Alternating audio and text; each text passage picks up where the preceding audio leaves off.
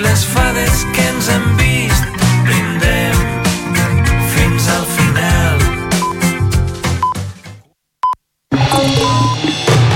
Notícies en xarxa, edició matí. Amb Taís Trujillo. Dia. Els veïns desallotjats del bloc de Badalona, adjacent al que es va esfondrar la setmana passada provocant tres morts, no podran tornar a casa fins que facin obres per tal de reforçar el sostre. Són uns treballs que hauran de pagar els propietaris. Avui podran entrar als seus habitatges per agafar les pertinences més imprescindibles i l'Ajuntament es reunirà demà amb el govern per avaluar la seguretat de tots els immobles construïts en la mateixa promoció. Mentrestant, a Lleida, la majoria de la vintena de veïns evacuats per l'esfondrament d'un edifici contigu en ruïnes al centre històric continuen a l'espera que acabin les feines de desenrunament. En aquest cas, no hi ha hagut ferits. Així encapçalem el Notícies en xarxa d'aquest dijous 15 de febrer i al punt de les 7 del matí repassem també altres titulars. Els pagesos aixequen els últims talls a l'AP7 i la Nacional 2 a Puntós, a l'Alt Empordà, després de 30 hores, un cop assolits nous compromisos de les administracions. En espera d'una reunió avui de les principals organitzacions agràries amb el Ministeri a Madrid, el govern ha garantit indemnitzacions del 80% en pèrdues per la restricció d'aigua i la reobertura d'oficines comarcals per agilitar els tràmits burocràtics. Pica baralla entre grups progressistes i conservadors al Parlament Europeu sobre la missió liderada pel PP al voltant de la immersió lingüística a l'escola catalana. Junts i Esquerra han acusat els populars de falta d'imparcialitat i d'usar el comitè per fer campanya. El text que advoca per equiparar castellà i català a les aules es votarà el 19 de març i no serà vinculant. Primera reunió aquest dijous entre el comitè d'empresa i la direcció d'Itachi a Vacarisses, al Vallès Occidental, després de l'anunci d'un ERO per acomiadar 140 persones. Són una quarta part dels 560 treballadors actuals. Els sindicats acusen la multinacional de mala gestió. En esports, el Barça va cedir un empat davant el Llevant en partit de Lliga i posa fi a la ratxa de 79 victòries seguides a l'estadi Johan Cruyff. Salma Paralluelo va avançar a les Blaugrana, però Alba Redondo va empatar a la represa. Són els primers punts que les de Jonathan Giraldez perden aquest curs a la competició. I la mostra de cinema d'animació de Catalunya, l'Animac, que aixeca avui el taló a Lleida amb la diversitat com a lema. Una 28a edició que s'allargarà fins diumenge, que projectarà 179 creacions i que concedirà el premi a la trajectòria a Roser Capdevila, la creadora de les Tres Bessones. Repassats els titulars ara a Unimària de Serveis. En primer lloc volem saber com se circula aquesta hora per la xarxa viària catalana. Per tant, connectem amb el RAC. Àlex Huguet, bon dia. Molt bon dia. Arran de les mobilitzacions d'aquests últims dies encara es talla el tram de l'AP7 en sentit nord des de Cervià de Ter, on s'estan reparant alguns danys a l'espera que reobri ja per tota la circulació i en sentit sud el mateix a l'altura de Borrassà. En un matí on ja registren dos accidents, un a l'A2 en sentit Lleida entre Sant Andreu de la Barca i Pallejà, que provoca 4 quilòmetres de congestió i complica l'enllaç des de l'AP7 a Castellbisbal i el Papiol, per tant, paciència i hi ha força cues també en sentit Barcelona també pel mateix tram i l'altre accident ha estat a l'AP7 a Montroig del Camp on ara només hi ha un carril obert en sentit nord. Altres trams amb cues a aquesta hora els trobem també a la P7 a Sant Cugat en sentit sud durant 4 quilòmetres, 2 quilòmetres més a la C58 des de Montcada cap a Barcelona o a les Rondes també en sentit sud a la B20 4 quilòmetres fins a Horta i a la B10 6 quilòmetres més ja fins passat al Poble Nou. És tot des del RAC. Bon dia. I volem saber també quin temps farà aquest dijous. Eh, Lluís Miquel Pérez, bon dia. Bon dia, un dijous que ha de portar força més núvols a gran part de Catalunya, però de pluja ben poca. Al llarg d'aquest matí un cel ja força carregat, els núvols més gruixuts arran de mar i fins i tot amb alguna boira molt arrapada a la costa. La temperatura ha pujat perquè els núvols no han deixat que la temperatura mínima fos gaire baixa. Han vist aquesta tarda un ambient encara molt suau, temperatures passant dels 20 graus, especialment a les comarques de Ponent, i tot plegat amb aquests núvols que no es desfaran. De fet, serà una tarda més aviat ensupida i amb alguna gotellada que arribarà a caure en vista al vespre, sobretot a les comarques de Ponent i també a les Terres de l'Ebre. Us seguirem a la xarxa. Notícies en xarxa, edició matí. Els veïns desallotjats del bloc de Badalona adjacent al que la setmana passada es va esfondrar parcialment provocant tres morts no podran tornar a casa seva fins que es facin obres per reforçar el sostre. Després que la majoria hagin passat la nit a casa de familiars i d'amics, avui podran accedir als seus habitatges per agafar els objectes personals més necessaris. Paral·lelament, l'Ajuntament es reunirà demà amb la Generalitat en una mesa d'emergència per avaluar la seguretat dels immobles construïts en la mateixa promoció que el número 9, que és el que es va esfondrar dimarts passat. L'objectiu és aconseguir una radiografia exacta de l'estat de seguretat dels immobles. L'alcalde de Badalona, Xavier García Albiol, ha deixat clar que els propietaris ara hauran d'assumir les despeses de la reparació no podran tornar al seu pis fins que no es duia a terme una sèrie d'obres que són necessàries per garantir que els sostres no, no cedeixen. Jo sé que això pot ser dificultós per a algunes famílies que la millor econòmicament no poden, però, però es tindrà que fer perquè si no no podran tornar als habitatges i el que no permetrem des de l'Ajuntament de Badalona és jugar amb la seguretat de la gent.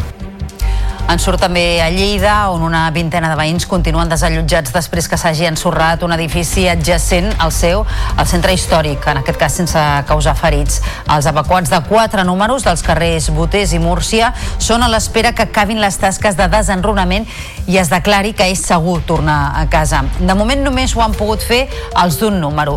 De fet, l'edifici esfondrat ja s'havia declarat en ruïna imminent i l'incident ha passat mentre els operaris feien tasques d'enderroc de manera substancial subsidiària un cop passat el termini que s'havia donat al propietari per a que se n'encarregués. En veure que començava a cedir l'estructura, els treballadors han pogut sortir a temps i no s'han hagut de lamentar, per tant, danys personals.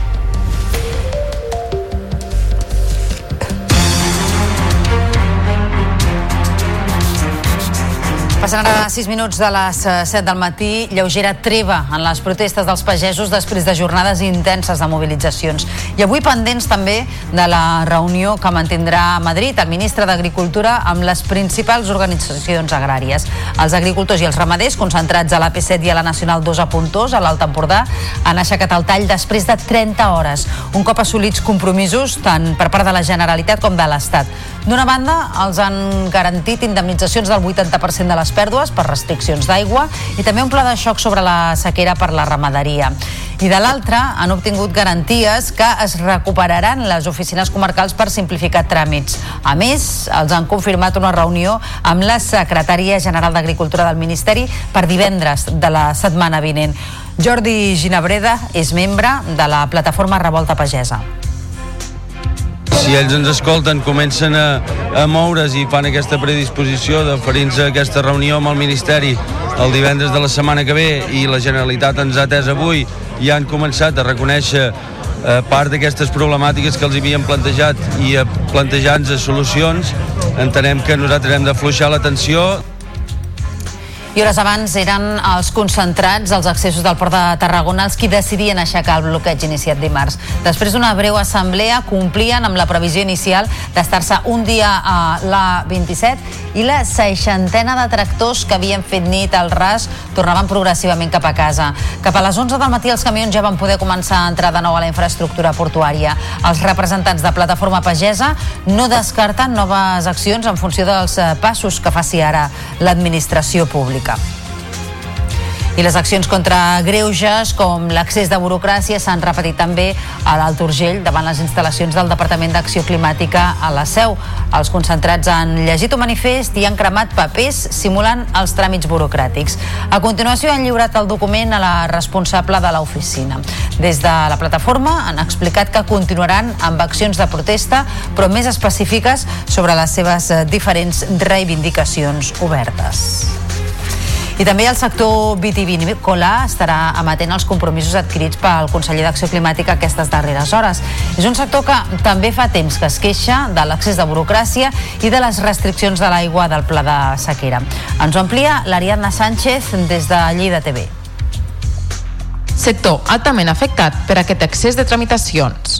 En general, cada vegada hi ha més consciència de tots tipus sabem que s'han de fer les coses, però després hi ha un tema de burocràcia que, eh, mos, mos empesten a papers, vull dir, és una cosa espectacular, no? La manca d'aigua i la seva gestió són aspectes que també preocupen el sector. És una llàstima que es facin aquestes manifestacions, perquè això vol dir que les coses no funcionen, no?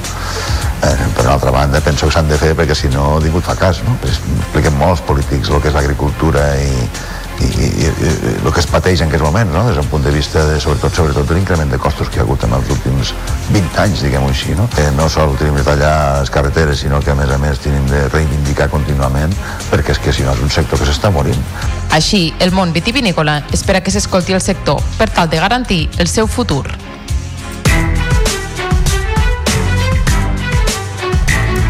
El debat al Comitè de Peticions del Parlament Europeu sobre l'informe de la missió sobre la immersió a l'escola catalana ha desencadenat una picabaralla entre els grups progressistes i els conservadors, amb acusacions de marca d'imparcialitat pels grups de la dreta, Junts i Esquerra Republicana han acusat el PP de fer servir el comitè per la seva campanya política particular.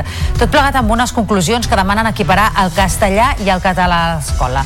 Ara s'obre un període d'esmenes per un text que es votarà el pròxim 19 de març i que no serà vinculant. Escoltem l'eurodiputat de Junts, Toni Comín, i la presidenta del comitè i eurodiputada del Partit Popular, Dolors Montserrat.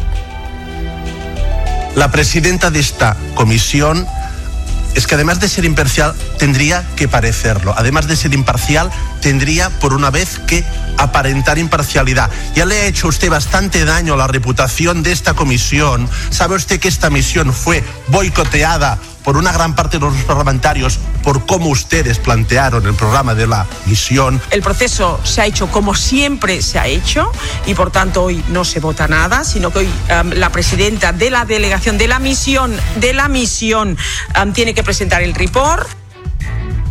L'alcalde de Badalona, Xavier García Albiol, ha reclamat més recursos a l'Estat i a la Generalitat per gestionar les qüestions socials derivades de la immigració.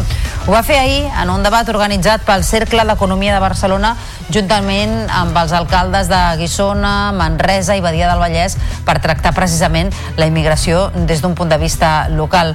En les seves intervencions, Albiol va criticar el que considera que és una mala gestió dels fluxos migratoris per part dels governs d'esquerres. Assegura que les polítiques que promouen acollir més immigrants, a les quals ells s'hi oposen, no són conseqüents perquè, argumenta un cop aquí, no se'ls garanteix la regularització dels papers i l'accés a un treball digne. Jo el que demano és que amb aquells que demanen que hem d'acollir sense cap tipus de límit ni control a tothom, que després no els deixin amb aquestes persones campar per les ciutats perquè aquestes persones que acaben campant per la ciutat són persones que no tenen permís de treball. Per tant no poden aspirar a un lloc de feina en condicions dignes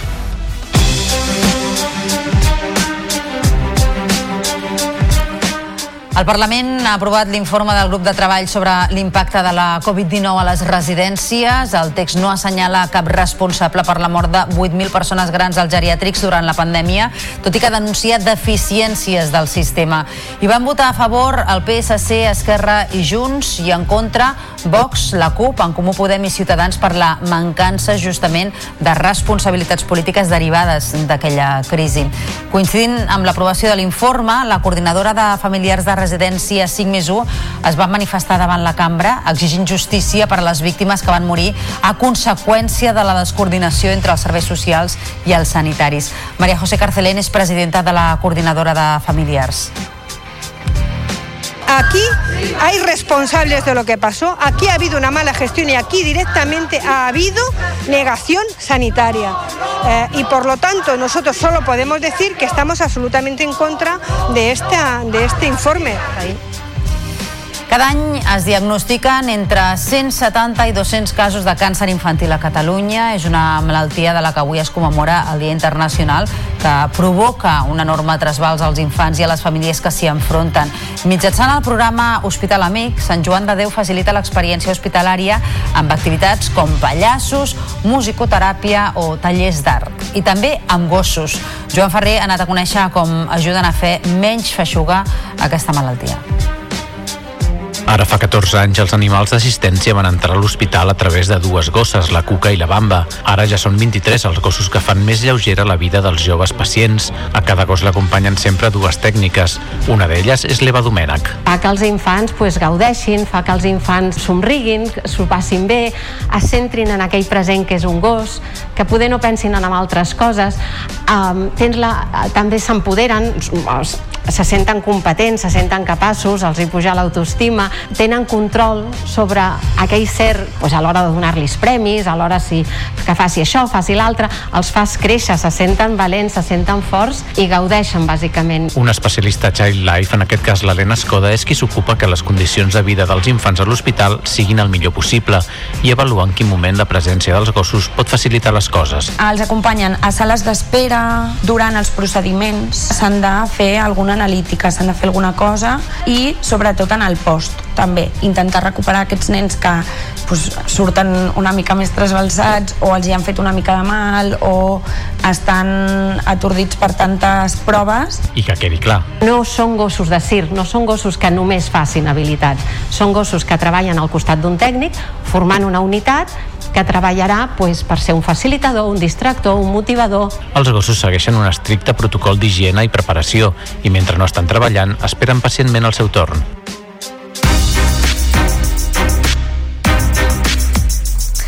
Els Mossos d'Esquadra investiguen la mort violenta d'un home a Callús, al Bages. El cadàver amb signes de violència el van localitzar en una zona boscosa a prop de la llera del riu Cardener. La víctima és un home de 28 anys, veí de Tarragona i que feia temps que estava desaparegut. La policia va poder localitzar el mòbil de la víctima i això els va portar fins al cos. Les circumstàncies de la mort s'estan investigant. Se'n fa càrrec la Divisió d'Investigació Criminal de la Regió Policial Central. Detingut el caçador que diumenge va ferir un ciclista d'un tret durant una batucada a Forallac, al Baix Empordà. Després de prestar declaració, els Mossos han deixat sense efecte la detenció fins que el jutjat que porta el cas el citi com a investigat. A l'home se l'investiga per un delicte de lesions greus per imprudència. El ciclista, ingressat a l'Hospital Trueta, evoluciona favorablement dins la gravetat. I ara us expliquem que l'espai natural de Sant Miquel del Fai, al Moianès, tanca les portes fins al proper 29 de febrer. Això inclou els dos eh, propers caps de setmana. El motiu és la realització de treballs de manteniment per estabilitzar la cinglera, segons els experts que en fan el seguiment habitual. Unes millores que ja han començat aquesta mateixa setmana, abans no comenci el període de nidificació d'espècies com l'àliga perdiguera o quadra barrada, classificades com a espècies vulnerables vulnerables.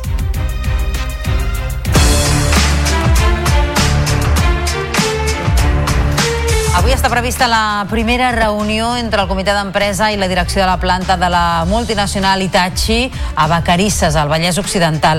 És una reunió per iniciar el període de consultes després que la companyia ha anunciat la seva intenció d'acomiadar 140 empleats de la planta vallesana. La corporació ha comunicat ja a la plantilla el registre d'un expedient de regulació d'ocupació per liquidar a més d'un quart dels seus efectius en la planta on actualment treballen 560 persones. Des dels sindicats acusen la direcció de mala gestió i d'una política de contractacions excessivament ambiciosa que ara paguen els empleats amb retallades.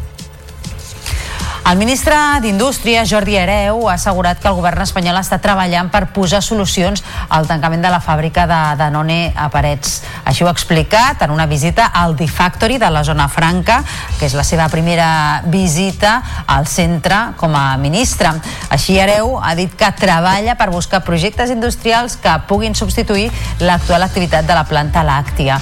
El ministre ha afirmat que estarà al costat dels treballadors i que estarà pendent de l'execució del pla social que ha d'oferir Danone a les persones que perdin el seu lloc de treball també hi ha el anar seguint la recerca de projectes industrials que puguin substituir en aquest cas de None. Eh? I per tant, el que nosaltres eh, impulsem i estem eh, davant per justament que Danone pugui trobar eh, projectes industrials que puguin mantenir eh, o l'activitat o part de l'activitat a, a Parets. La Generalitat, la Diputació de Barcelona, l'Ajuntament de la capital catalana i l'àrea metropolitana i també la principal associació de polítiques del temps de Catalunya demanen a les empreses i als serveis públics organitzar els horaris de manera diferent perquè tothom pugui gaudir del dret al temps lliure. Ens ho explica la Mont Carvajal. Totes aquestes entitats es fixen l'objectiu de convèncer les empreses de fer horaris esglaonats, amb diferents hores d'entrada i sortida. Segons la consellera delegada de Polítiques Socials i d'Igualtat de l'AMB i alcaldessa de Gavà, Gemma Badia, tothom en sortiria guanyant, des del medi ambient a la productivitat. Lògica vol dir flexibilitat horària, per exemple. Quan tothom va a les 8 del matí al metro, al tren, al bus, on sigui, doncs que hi hagi gent que entri a les 11. Per què? Perquè és quan més agafaran el, el transport públic, perquè és quan l'administració pública acaba a les 3 i per la tarda no hi ha ningú atenent. Perquè aquesta flexibilitat al final ens donarà una qualitat de vida i ens donarà una qualitat de serveis i ens donarà també oportunitats laborals. Per tant, tot és un win-win. També s'han mostrat a favor de la setmana laboral de 4 dies i asseguren que el temps no és un luxe, sinó un dret.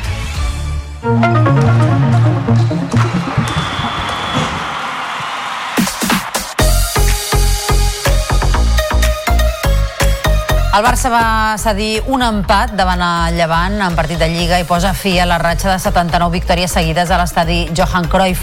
Salva Paralluelo va avançar les Blaurana, però Alba Redondo va empatar la represa. El plantejament defensiu de les valencianes va dificultar l'atac barcelonista que va acabar pagant la falta d'encert. Són els primers punts que les de Jonathan Giraldez perden aquest curs a la competició. Tot i així continuen líders destacades amb 9 de marge sobre el segon, el Real Madrid. I després de 4 anys d'espera, la selecció catalana femenina tornarà a jugar un partit. Serà contra el Paraguai el dissabte 6 d'abril, aprofitant que la Lliga s'atura pels compromisos internacionals. Ara la Federació Catalana obre el termini per designar l'estadi que vulgui acollir aquest amistós, que serà el debut de Xavi Llorenç com a seleccionador. I el Girona ha renovat el contracte del porter Paulo Gazzaniga per a dues temporades més fins al 2027. L'argentí de 32 anys va arribar a Montilivi l'estiu del 2022 i s'ha convertit en indiscutible sotapals. Ha valorat la seva renovació en una entrevista als mitjans del club. Uno cuando, cuando vino sabía ¿no? de- del club que estaba en crecimiento, el proyecto estaba, estaba muy bueno. Lo que uno no se esperaba que, que- creciese tan rápido ¿no? y, que, y que se generara todo lo que, lo que está generando el, el Girona hoy y, por eso bueno, la, renovación, porque no, no es una apuesta porque se, se sabía que era un club que, que estaba creciendo mucho y, y nada, muy contento la verdad.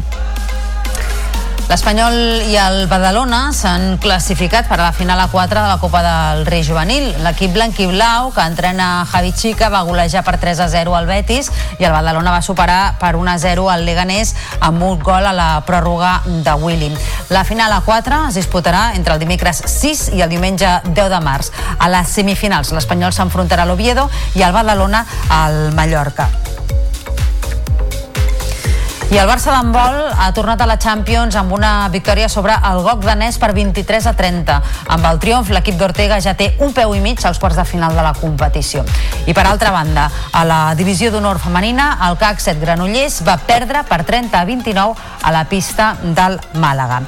I en futbol sala, el Barça va caure derrotat per 4-2 davant un Vinya al Bali Valdepenyes molt superior. Un partit, això sí, que va significar la tornada del capità Sergio Lozano 10 mesos després de patir la tercera lesió greu al genoll dret. Lozano, però, no va poder impedir que el Valdepenyes s'acabés imposant als blaugrana que tornaven després d'un mes d'aturada per compromisos internacionals. Malgrat la derrota, es va mostrar satisfet per la tornada als terrenys de joc. Por una parte estoy contento, he vuelto a jugar 10 meses después, hoy era una primera toma de contacto, ver qué sensaciones tenía. Una verdadera pena porque creo que aunque Valdepeñas es una cancha difícil y ellos han jugado bien, nos han, nos han castigado nuestros propios errores y eso ha hecho que se nos haya puesto costa arriba el partido. L'Indústria Santa Coloma, per la seva banda, va superar el Peníscola per 4-2. Els de Xavi Clos es van remuntar un 0 a 1 advers amb gols de Cardona i Verdejo abans del descans. En el segon temps, Calit i Povil van arrodonir la golejada.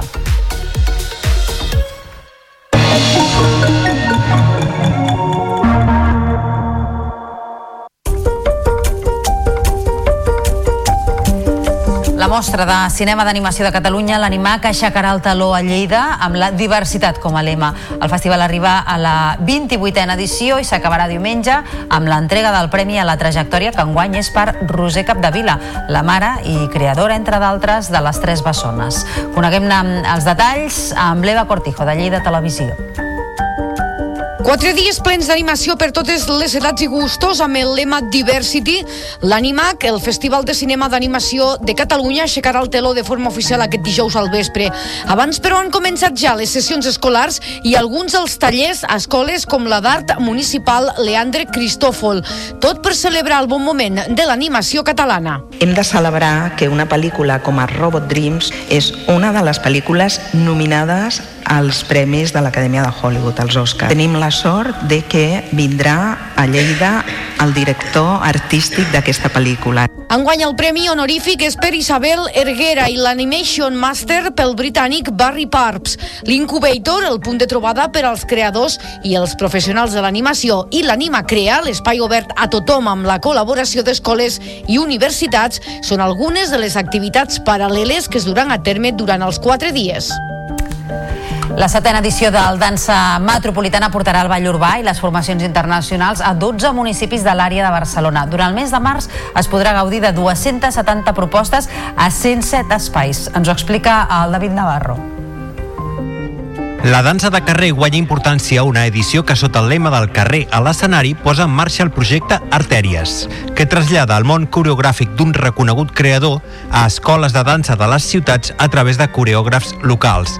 Alhora, com ha explicat la coordinadora artística del festival, Giuliana Poltronieri, que s'equilibra l'oferta d'espectacles entre tots els municipis. trencar la centralitat de Barcelona com a espai que recull tots els espectacles internacionals i repartir-los pels 12 municipis sense mai oblidar la importància de tots els que són els nostres coreògrafs locals. Entre els més de 100 espectacles que es podran veure destaquen companyies internacionals com l'australiana Sydney Dance Company, els colombians Sankofa Danzafro o el coreògraf francès Rashid Ouramdane i grups de l'estat com Maria Pagès o el Colectivo Milímetro.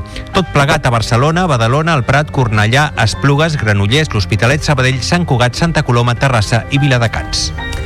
I ja coneixem les nominacions als Premis Enderroc 2024 per votació popular i les encapçalen The Tallets i Mushka. El duet eh, mataroní The Tallets té cinc nominacions, entre elles millor artista, millor cançó per Coti per Coti o millor directe. Mushka en té quatre, entre elles millor artista revelació o millor disc de música urbana. La gala es farà el proper 14 de març a Girona. Detallets sorpresos amb tantes nominacions ho explicaven així als eh, micròfons de la xarxa. Crec que qualsevol reconeixement és bo i ho apreciem moltíssim. I encara recordo aquell any que vam anar allà a buscar-ne un i ens vam, vam marxar a caseta sense cap premi, ben tristos. I mireu ara. I mira ara, jolín, sí, sí, les voltes que dona la vida. I cares llargues i llàgrimes desconsolades per a milers de veïns que han dit adeu a una setmana de bogeria i accessos a Sitges. S'acaba el Carnestoltes i la capella ardent del Big Mac Sigalupi ha obert portes aquest dimecres al Casino Prado, d'on ha sortit la comitiva fúnebre. Les despulles del Carnestoltes han estat traslladades fins a la platja de la Fragata. A primera línia de mar, sa majestat, eh, sa majestat ha llegit el testament i ha volgut compartir amb els sitgetans un últim conjur, un espectacle de Guspires l'ha fet desaparèixer de l'escenari.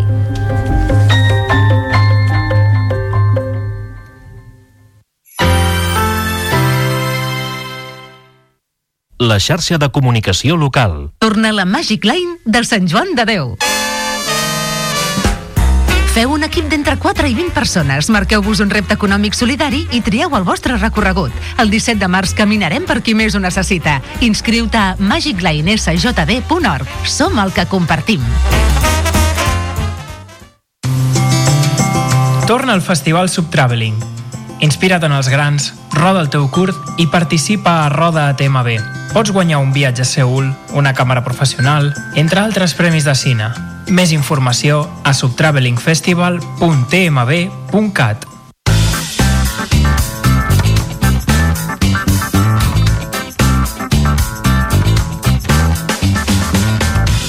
¿Sabías que Saps què és el síndrome de la vibració fantasma?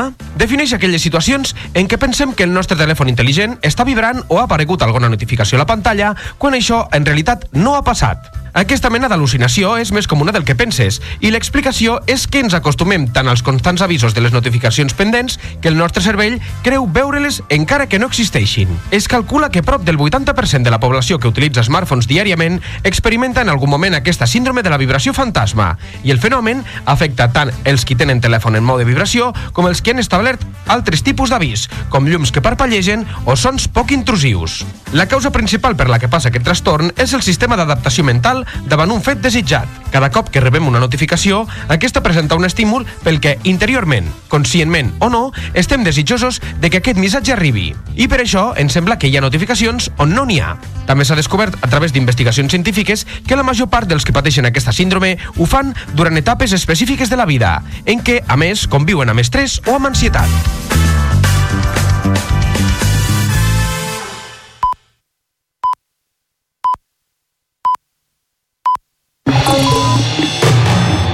Notícies en xarxa, edició matí. Amb Taís Trujillo. Bon dia, són dos quarts de vuit del matí i avui encapçalem el Notícies en xarxa amb els veïns desallotjats del bloc de Badalona adjacent al que es va esfondrar la setmana passada i que va provocar tres morts que no podran tornar a casa fins que facin obres per reforçar el sostre. Són uns treballs que hauran de pagar els propietaris. Avui podran entrar als seus habitatges per agafar les pertinences més imprescindibles i l'Ajuntament es reunirà demà amb el govern per avaluar la seguretat de tots els immobles construïts en la mateixa promoció. Mentrestant, a Lleida, la majoria de la vintena de veïns evacuats per l'esfondrament d'un edifici contigu en ruïnes al centre històric continuen a l'espera que acabin les feines de desenrunament. En aquest cas, no hi ha hagut ferits. De seguida us ho ampliem, abans però repassem també altres titulars d'aquest dijous 15 de febrer. Els pagesos s'aixequen els últims talls a l'AP7 i la Nacional 2 a Puntós, a l'Alt Empordà, després de 30 hores, un cop assolits nous compromisos per les administracions. En espera d'una reunió avui de les principals organitzacions agràries amb el Ministeri, a Madrid, el govern ha garantit indemnitzacions del 80% en pèrdues per la restricció d'aigua i la reobertura d'oficines comarcals per agilitar els tràmits burocràtics. D'aquí a uns minuts valorarem els compromisos aconseguits amb Joan Cavall, que és el coordinador nacional d'Unió de Pagesos, amb qui també parlarem d'aquestes protestes que han desbordat els mateixos sindicats agraris. I més qüestions. Picabaralla entre grups progressistes i conservadors al Parlament Europeu sobre la missió liderada pel PP al voltant de la immersió lingüística a l'escola catalana. Junts i Esquerra han acusat els populars de falta d'imparcialitat i d'usar el comitè per fer campanya. El text, que advoca per equiparar català i castellà a les aules, es votarà el 19 de març i no és vinculant. Primera reunió aquest dijous entre el comitè d'empresa i la direcció d'Itachi a Vacarisses, al Vallès Occidental, després de l'anunci d'un ERO per acomiadar 140 persones. Són una quarta part dels 560 treballadors actuals. Els sindicats acusen la multinacional de mala gestió. En esports, el Barça va cedir un empat davant el Llevant en partit de Lliga i posa fi a la ratxa de 79 victòries seguides a l'estadi Johan Cruyff. Salma Paralluelo va avançar a les Blaugrana, però Alba Redondo va empatar a la represa. Són els primers punts que les de Jonathan Giraldez perden aquest curs a la competició. I en cultura, la mostra de cinema d'animació de Catalunya, l'Animac, aixeca avui el taló a Lleida amb la diversitat com a lema. Una 28a edició que s'allargarà fins diumenge, que projectarà 179 creacions i que concedirà el premi a la trajectòria a Roser Capdevila, la creadora de les Tres Bessones. Repassats els titulars, ara obrim plana de serveis amb el trànsit. Segons el RAC, s'està reobrint la P7 entre Borrassà i Cervià de Ter, on fins ara s'han estat reparant alguns desperfectes arran de les protestes de pagesos. De moment, no hi ha retencions. Hi ha un carril tallat a la 2 per un accident que hi ha hagut a primera hora entre Sant Andreu de la Barca i Sant Vicenç dels Horts en sentit Lleida. En sentit Barcelona hi ha cues des de Pallejà i retencions habituals a la B23 a Molins a la C58 a Montcada, tot cap a Barcelona, i també a les rondes, trams congestionats en direcció al Llobregat. I ara la previsió del temps, el dia serà ennuvolat i gris a bona part de Catalunya, tot i que no es preveu pluja. Com a molt, a partir del vespre pot caure alguna gota de forma feble i aïllada a les comarques de Lleida situades més a l'oest. Les temperatures seguiran sent suaus. Notícies en xarxa, edició matí. Els veïns desallotjats del bloc de Badalona adjacent al que la setmana passada es va esfondrar parcialment provocant tres morts no podran tornar a casa seva fins que es facin obres per reforçar el sostre. Després que la majoria hagin passat la nit a casa de familiars i d'amics, avui podran accedir als seus habitatges per tal d'agafar els objectes personals més necessaris. Paral·lelament, l'Ajuntament es reunirà demà amb la Generalitat en una mesa d'emergència per avaluar la seguretat dels immobles construïts en la mateixa promoció que el número 9, que és el que es va esfondrar dimarts passat. L'objectiu és aconseguir una radiografia exacta de l'estat de seguretat dels immobles. L'alcalde de Badalona, Xavier García Albiol, ha deixat clar que els propietaris hauran d'assumir les despeses de reparació no podran tornar al seu pis fins que no es duia a terme una sèrie d'obres que són necessàries per garantir que els sostres no, no cedeixen. Jo sé que això pot ser dificultós per a algunes famílies que la millor econòmicament no poden, però, però es tindrà que fer, perquè si no, no podran tornar als habitatges i el que no permetrem des de l'Ajuntament de Badalona és jugar amb la seguretat de la gent.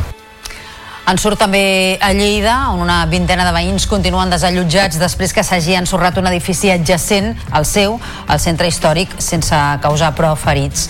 Els evacuats de quatre números dels carrers Botés i Múrcia són a l'espera que acabin les tasques de desenrunament i es declari que és segur tornar a casa.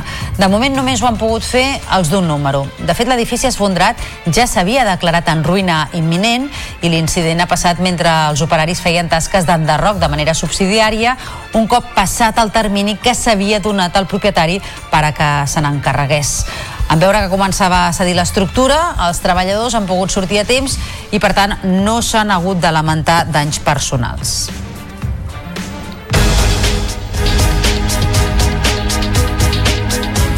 Lleugera treva en les protestes dels pagesos després de jornades intenses de mobilitzacions. I avui pendents de la reunió que mantindrà a Madrid el Ministeri d'Agricultura amb les principals organitzacions agràries. Els agricultors i ramaders concentrats a l'AP7 i a la Nacional 2 a Puntós, a l'Alt Empordà, han aixecat el tall després de 30 hores, un cop assolits els compromisos tant per part de la Generalitat com de l'Estat. D'una banda, els han garantit indemnitzacions del 80% de les pèrdues per restriccions d'aigua i també un pla de xoc sobre la sequera per a la ramaderia. I de l'altra, han obtingut garanties que es recuperaran les oficines comarcals per simplificar tràmits. A més, els han confirmat una reunió amb la secretària general d'Agricultura del Ministeri per divendres de la setmana vinent. Jordi Ginabreda és membre de la plataforma Revolta Pagesa si ells ens escolten, comencen a, a moure's i fan aquesta predisposició d'oferir-nos aquesta reunió amb el Ministeri el divendres de la setmana que ve i la Generalitat ens ha atès avui i han començat a reconèixer eh, part d'aquestes problemàtiques que els havien plantejat i a plantejar-nos solucions, entenem que nosaltres hem d'afluixar l'atenció. Hores abans eren els concentrats als accessos al port de Tarragona els qui decidien aixecar el bloqueig iniciat dimarts. Després d'una breu assemblea complien amb la previsió inicial d'estar-se un dia a la 27 i la seixantena de tractors que havien fet nit al ras tornaven progressivament cap a casa. Cap a les 11 del matí els camions ja van poder començar a entrar de nou a la infraestructura portuària. Els representants de Plataforma Pagesa no descarten noves accions en funció dels passos que faci l'administració. I les accions contra greuges com l'accés de burocràcia s'han repetit també a l'Alt Urgell davant les instal·lacions del Departament d'Acció Climàtica a la Seu. Els concentrats han llegit un manifest i han cremat papers simulant els tràmits burocràtics. A continuació han lliurat el document a la responsable de l'oficina. Des de la plataforma han explicat que continuaran amb accions de protesta però més específiques sobre les diferents reivindicacions del sector. I ara busquem valoracions a la situació d'aquestes protestes dels pagesos i dels ramaders i de les negociacions que hi ha en marxa amb les diferents administracions públiques. Volem establir connexió amb Joan Cavall, que és coordinador nacional d'Unió de Pagesos. Senyor Cavall, molt bon dia. Hola, bon dia.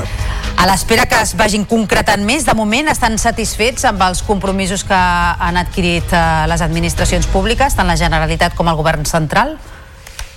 A veure, no- nosaltres creiem i així ja en taula agrària de, del divendres de la setmana passada doncs ja es van avançar algunes qüestions doncs el, la reunió que va mantenir ahir el govern a Catalunya amb la plataforma doncs creiem que hi ha coses doncs, que tenen que ser més ambicioses, faltaria més i ja, per exemple, amb el tema de, de, de, de l'aigua i la gestió, que en taula agrària hi havia un acord que era més ambiciós que no pas la plataforma d'ahir, que és dir que qualsevol sector econòmic, i nosaltres també som un sector econòmic, ningú tindria retallades per sobre dels altres.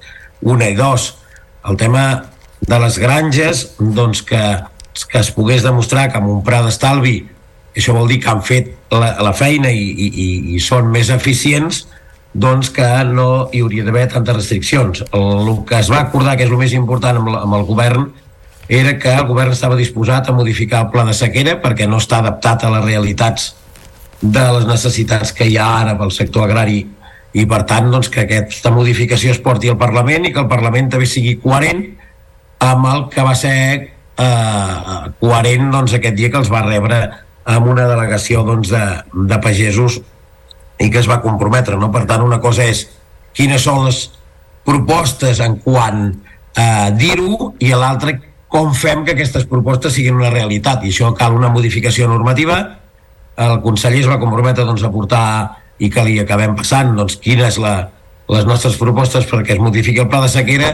I llavors demanarem al conjunt de forces polítiques si un dia doncs, diuen una cosa doncs, que l'altra, quan es modifiqui una norma doncs, també diguin la mateixa, que això hi ha vegades que, doncs, que veiem que hi ha, que hi ha contradiccions no? el tema de, de la burocràcia el que nosaltres creiem que s'hauria de fer veiem que la conselleria insisteix que es demanarà al Ministeri que es posposi un any ja dic, nosaltres fa temps ja d'un any que ho veníem reclamant i que dèiem, a veure, primer fem-ho per les grans després per les mitjanes grans vol dir empreses de més de 250 treballadors mitjanes entre 250 i, i 50 després per les petites i després per les micros que són les de menys de 10 treballadors que són tots els pagesos i pageses la majoria de Catalunya això què volia dir? Doncs bueno, anem-ho fent voluntàriament per qui vulgui, que potser hi ha gent que té aptituds i ho pot fer-ho, però la majoria de, de, la, de la gent pagesa doncs no hauríem d'estar sotmesos amb això i si va funcionant doncs primer per aquestes grans i pels que ho facin voluntàriament després iran valorant any a any, no?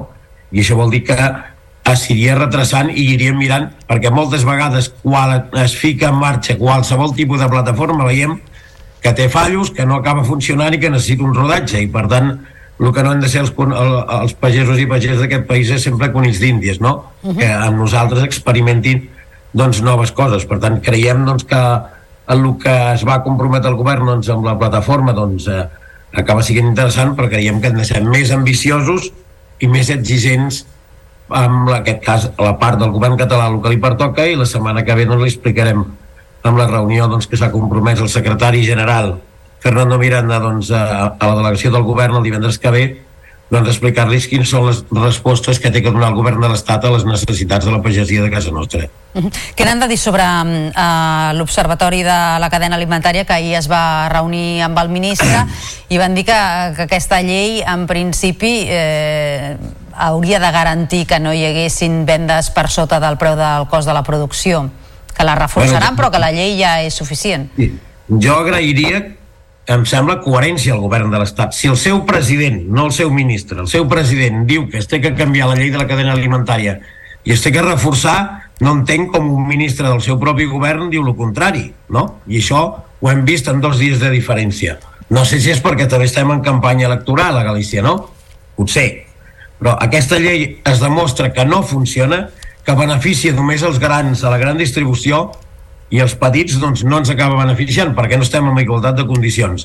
Es té que millorar, ja ho vàrem dir, el tema de la revenda de pèrdues es té que regular, el tema de la posició de domini es té que regular perquè si hi ha grans empreses, i ja ho estem veient, que tres o quatre marques dominen més del 50% de la capacitat de compra, doncs moltes vegades abusen d'aquesta posició de domini, però clar, com que no està regulada, no se'ls pot perseguir. I a l'altre diríem, si aquest observatori i, i, i l'últim any doncs, quantes sancions han acabat posant a, a empreses de l'agroindústria o a grans distribuïdores doncs amb, la, amb, la, amb aquesta llei, ja li dic jo cap no? per tant, potser alguna cosa sí que tenim que millorar el que no podem fer és enganyar en els pagesos i pageses i enganyar els ciutadans i ciutadanes la seva cistella de la compra en quant a alimentació se li està pujant molt darrerament i els pagesos ens arruïnem perquè els preus no són justos els que ens acaben pagant. Uh -huh. Senyor Cavall, eh, mirant cap a dintre del sector, eh, diria que la protesta d'aquests dies ha desbordat els sindicats tradicionals. Hem vist com han anat apareixent aquestes diferents eh, plataformes que deien, en alguns casos, que els sindicats no havien atès a les seves reivindicacions durant molt de temps i que per això sentien la necessitat d'autorepresentar-se d'alguna manera. No? Eh, com ho veuen tot plegat? Ara qui són els, els interlocutors amb les administracions? A veure, Catalunya està regulat per una llei, no?, i cada cinc anys doncs, tenim ara, amb aquesta llei que tenim ara, doncs, eleccions i els pagesos i pageses decideixen democràticament qui volen que els acabi representant. Que hi hagi moviments i que la pagesia doncs, hagi sortit al carrer per acabar dient que, que ja n'hi havia prou i que tenim que ser més presents i que se'ns té que tenir més en compte, doncs això jo entenc que és molt positiu. Ahir les convocatòries de les protestes a l'AP7 eh, abans d'ahir doncs el, a Mercabarna i abans d'ahir ahir també doncs a Port de Tarragona van ser convocades doncs, per aquest cas per Unió de Pagesos perquè creiem doncs, que, que ja fa, fa dies ho havíem fet i que ho creiem benvingut sigui allà on hem pogut sumar esforços, que és el que ens convé per intentar fer entendre al conjunt de la societat però a la classe política i els governants doncs, que calen canvis i calen canvis urgents. No val només dir que farem i d'aquí un any encara no ha sigut. Per tant, aquests canvis urgents, entre tots, hem de continuar apretant perquè siguin una realitat. La, la valoració doncs, que les noves tecnologies, les xarxes, doncs, han sigut molt més ràpides en aquest moment que no pas la resposta de les organitzacions, cada un a casa seu doncs, té que fer les reflexions que caigui i els canvis que, que cregui convenient a la forma d'actuar. Nosaltres creiem que és veritat que el dir la denúncia doncs són molt importants, però també és molt important que la gent viu de realitats. Per tant, tenim que aconseguir doncs, que les modificacions i els canvis siguin. Li puc posar un exemple, no? Ara va aconseguir que es modifiqués una normativa l'any passat sobre el tema de les cremes al camp. A l'abril es va prohibir amb una llei del Ministeri de Medi Ambient de Madrid doncs, que creiem que era absoluta. Varen ser allà, varen presentar les menes varen pressionar, varen mobilitzar i final, quasi a final d'any, on va veure el Senat que el, el govern no tenia la majoria aritmètica parlamentària, doncs ens van acabar trucant com ho podia acabar arreglant.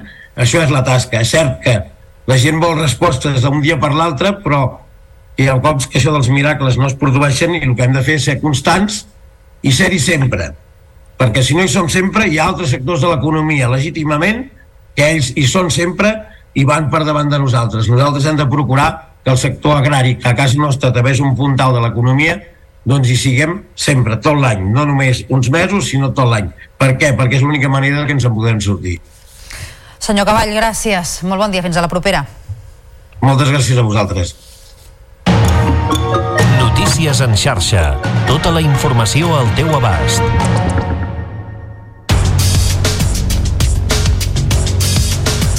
El debat al Comitè de Peticions del Parlament Europeu sobre l'informe de la missió sobre la immersió a l'escola catalana ha desencadenat una picabaralla entre els grups progressistes i els conservadors.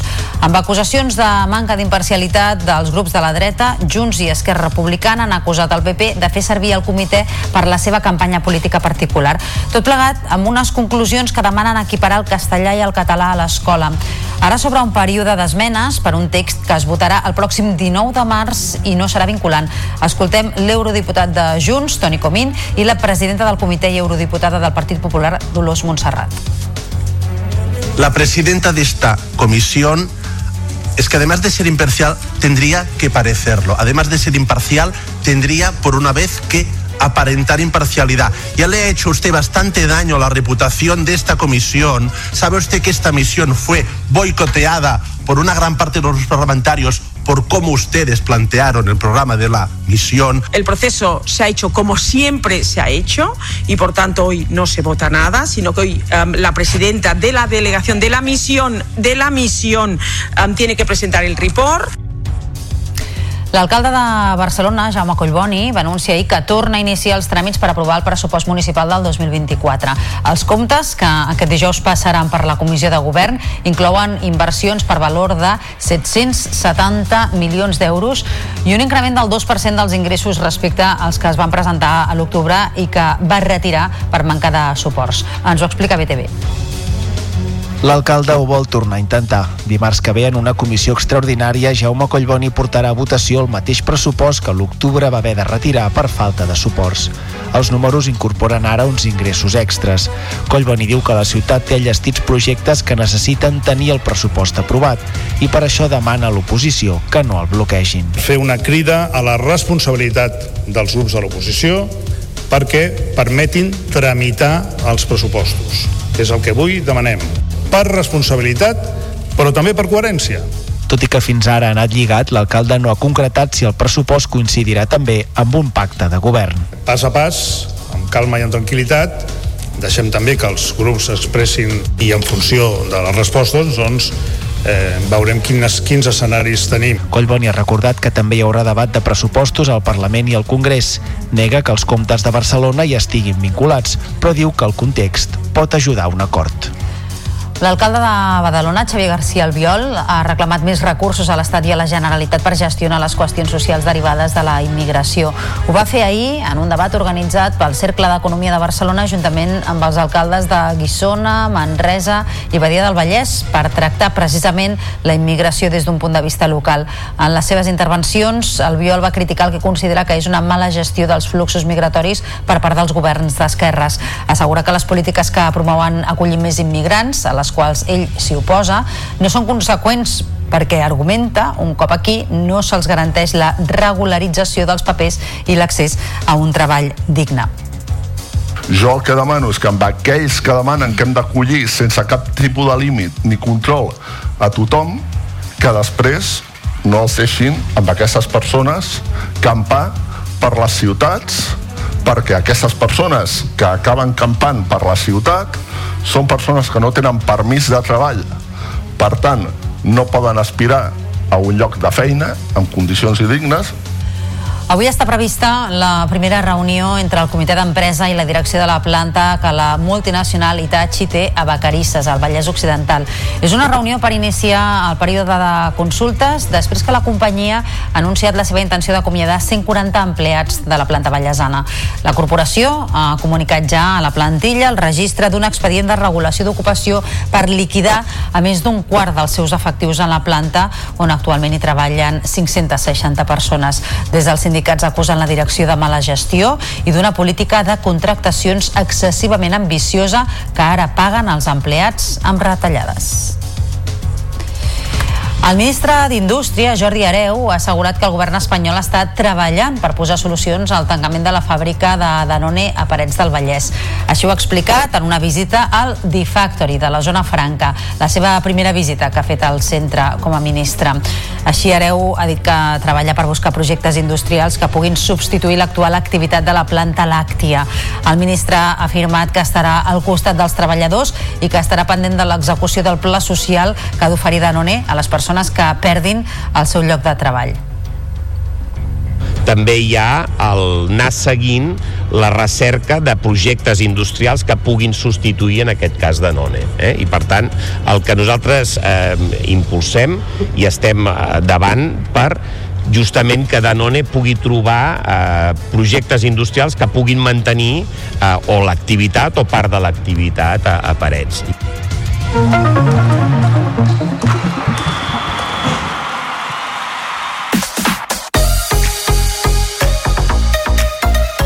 El Barça va cedir un empat davant el Llevant en partit de Lliga i posa fi a la ratxa de 79 victòries seguides a l'estadi Johan Cruyff. Salma Paralluelo va avançar les Blaugrana, però Alba Redondo va empatar la represa. El plantejament defensiu de les valencianes va dificultar l'atac barcelonista, que va acabar pagant la falta d'encert. Són els primers punts que les de Jonathan Giraldez perden aquest curs a la competició. Tot i així continuen líders destacades, amb 9 de marge sobre el segon, el Real Madrid. I el Girona ha renovat el contracte del porter Paulo Gazzaniga per a dues temporades més fins al 2027. L'argentí de 32 anys va arribar a Montilivi l'estiu del 2022 i s'ha convertit en indiscutible sota pals. Ha valorat la seva renovació en una entrevista als mitjans del club. uno cuando, cuando vino sabía ¿no? de- del club que estaba en crecimiento, el proyecto estaba, estaba muy bueno. Lo que uno no se esperaba que, creciese tan rápido ¿no? y, que, se generara todo lo que, está generando el, el Girona hoy y, por eso bueno, la, renovación, porque no, es una apuesta porque se, sabía que era un club que, que estaba creciendo mucho y, y nada, muy contento la verdad. El Barça d'handbol ha tornat a la Champions amb una victòria sobre el GOC danès per 23 a 30. Amb el triomf, l'equip d'Ortega ja té un peu i mig als quarts de final de la competició. I per altra banda, a la divisió d'honor femenina, el CAC 7 Granollers va perdre per 30 a 29 a la pista del Màlaga. I en futbol sala, el Barça va caure derrotat per 4-2 davant un Vinya Albali i Valdepenyes molt superior. Un partit, això sí, que va significar la tornada del capità Sergio Lozano 10 mesos després de patir la tercera lesió greu al genoll dret. Lozano, però, no va poder impedir que el Valdepenyes s'acabés imposant als Blaugrana, que tornaven després d'un mes d'aturada per compromisos internacionals. Malgrat la derrota, es va mostrar satisfet per la tornada als terrenys de joc. Por una parte estoy contento, he vuelto a jugar 10 meses después, hoy era una primera toma de contacto, ver qué sensaciones tenía. Una verdadera pena porque creo que aunque Valdepeñas es una cancha difícil y ellos han jugado bien, nos han, nos han castigado nuestros propios errores y eso ha hecho que se nos haya puesto costa arriba el partido. L'indústria Santa Coloma, per la seva banda, va superar el Peníscola per 4 a 2. Els de Xavi Closes van remuntar un 0 a 1 advers amb gols de Cardona i Verdejo abans del descans. En el segon temps, Calit i Povill van arrodonir la golejada.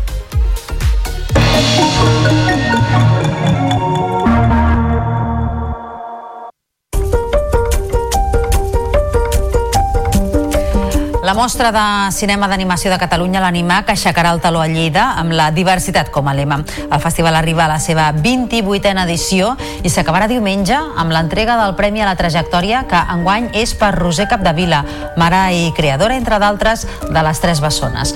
Coneguem-ne els detalls amb l'Eva Cortijo, de Lleida Televisió. Quatre dies plens d'animació per totes les edats i gustos amb el lema Diversity. L'Animac, el Festival de Cinema d'Animació de Catalunya, aixecarà el teló de forma oficial aquest dijous al vespre. Abans, però, han començat ja les sessions escolars i alguns dels tallers a escoles com la d'Art Municipal Leandre Cristòfol. Tot per celebrar el bon moment de l'animació catalana. Hem de celebrar que una pel·lícula com a Robot Dreams és una de les pel·lícules nominades als premis de l'Acadèmia de Hollywood, als Oscars. Tenim la sort de que vindrà a Lleida el director artístic d'aquesta pel·lícula. Enguany el premi honorífic és per Isabel Erguera i l'Animation Master pel britànic Barry Parps. L'Incubator, el punt de trobada per als creadors i els professionals de l'animació i l'Anima Crea, l'espai obert a tothom amb la col·laboració d'escoles i universitats, són algunes de les activitats paral·leles que es duran a terme durant els quatre dies. I ja coneixem les nominacions als Premis Enderroc 2024 per votació popular i les encapçalen Detallets i Muixca. El duet eh, mataroní té cinc nominacions, entre elles millor artista, millor cançó per Coti per Coti o millor directe. Muixca en té quatre, entre les quals millor artista revelació o millor disc de música urbana. Joan Dausà, Sílvia Pérez Cruz i Stay Homes també competiran en algunes categories en una gala que es farà el proper 14 de març a Girona. I a Vilanova i la Geltrú la ciutadania ha pogut visitar aquest dimecres a la tarda la casa mortuòria ubicada al Teatre Principal per dir l'últim adeu a sa majestat Carnestoltes. Després eh, l'han traslladat fins la plaça de la Vila per llegir el seu testament i ser incinerat. Amb el Carnaval oficialment acabat, qui ha agafat el protagonisme és la vella Quaresma. Comencen, doncs, set setmanes d'abstinència, penediment i dejuni fins al diumenge de Pasqua.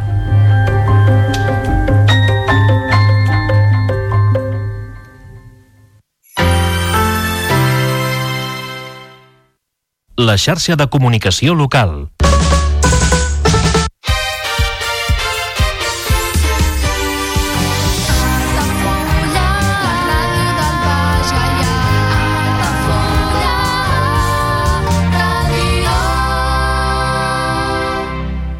Ja coneixes les propostes que t'ofereix el Club Marítim Altafulla?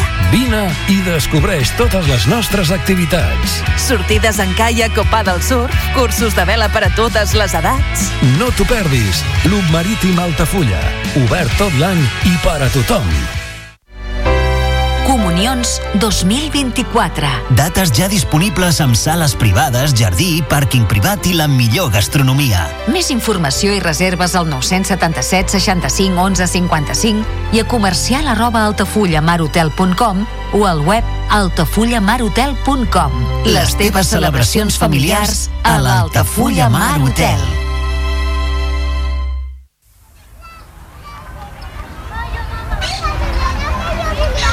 Amb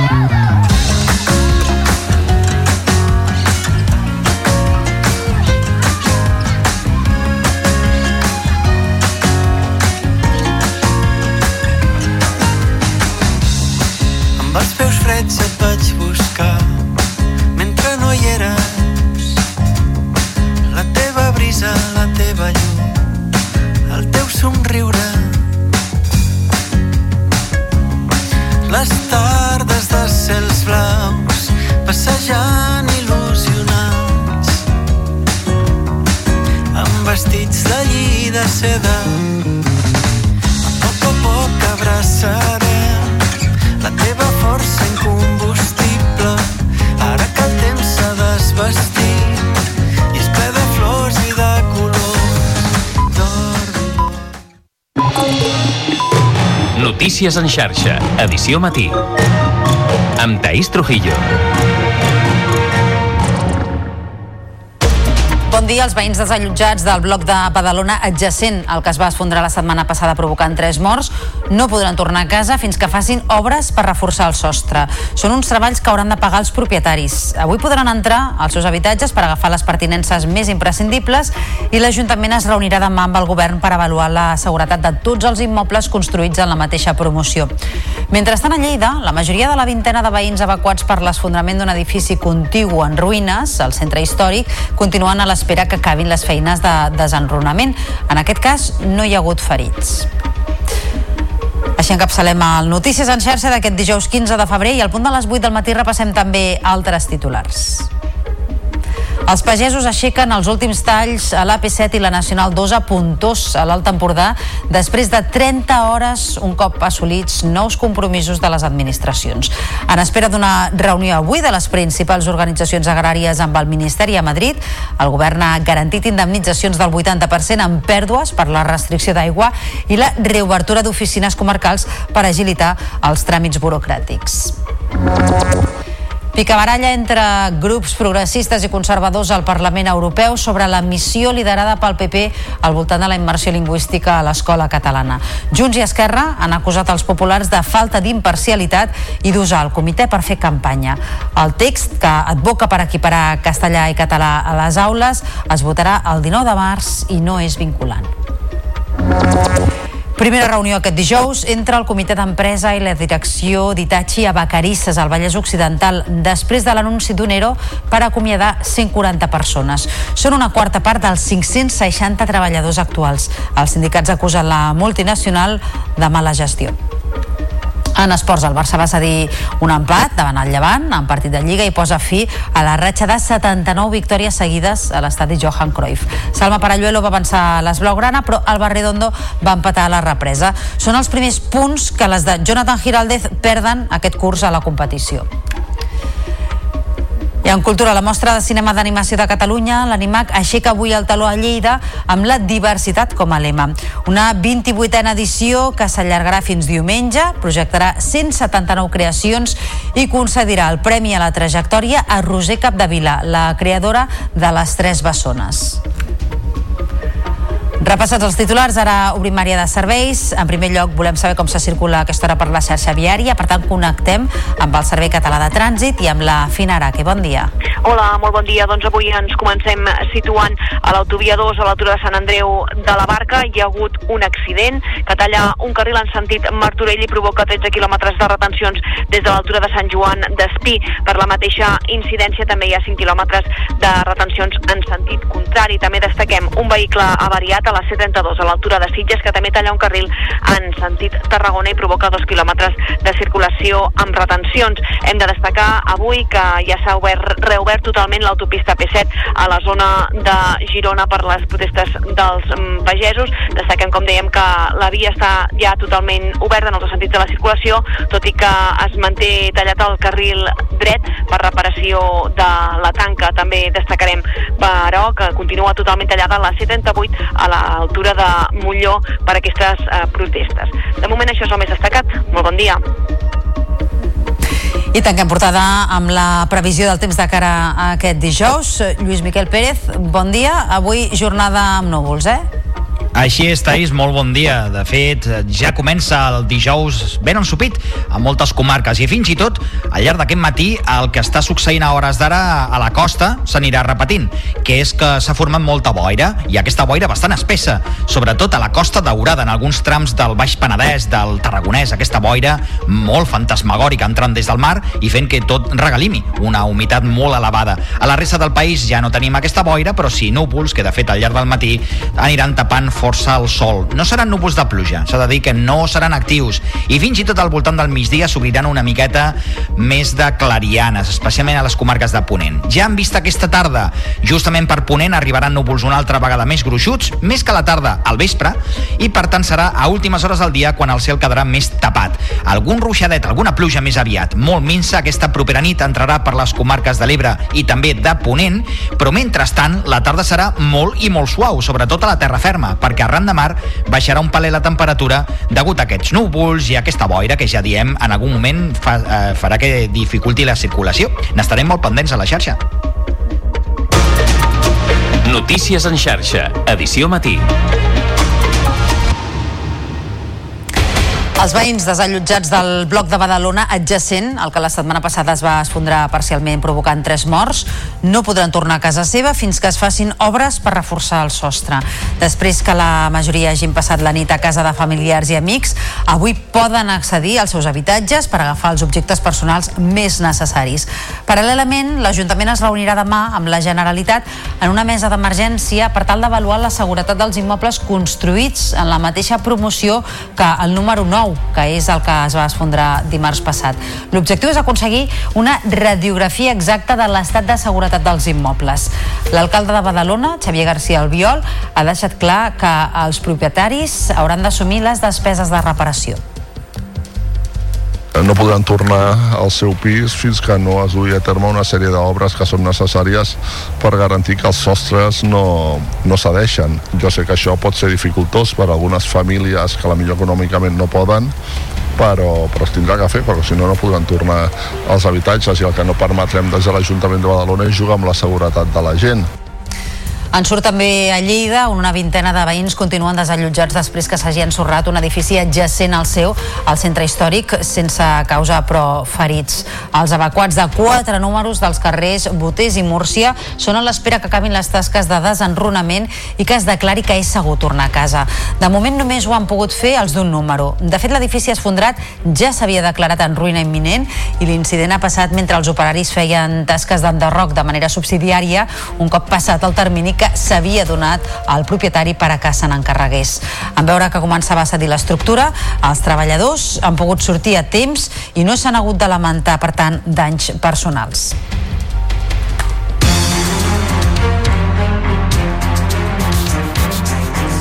Lleugera treva en les protestes dels pagesos després de jornades intenses de mobilitzacions i avui pendents de la reunió que mantindrà a Madrid el ministre d'Agricultura amb les principals organitzacions agràries. Els agricultors i ramaders concentrats a la P7 i a la Nacional 2 a Puntós, a l'Alt Empordà, han aixecat el tall després de 30 hores, un cop assolits compromisos tant per part de la Generalitat com de l'Estat. D'una banda, els han garantit indemnitzacions del 80% de les pèrdues per restriccions d'aigua i també un pla de xoc xoc sobre la sequera per a la ramaderia. I de l'altra, han obtingut garanties que es recuperaran les oficines comarcals per simplificar tràmits. Pel coordinador nacional d'Unió de Pagesos, Joan Cavall, sumar compromisos sempre és positiu. Ara bé, el sector primari li demana més ambició i exigència i a la classe política i als governs, sobretot, coherència. I posava un exemple amb la llei de la cadena alimentària.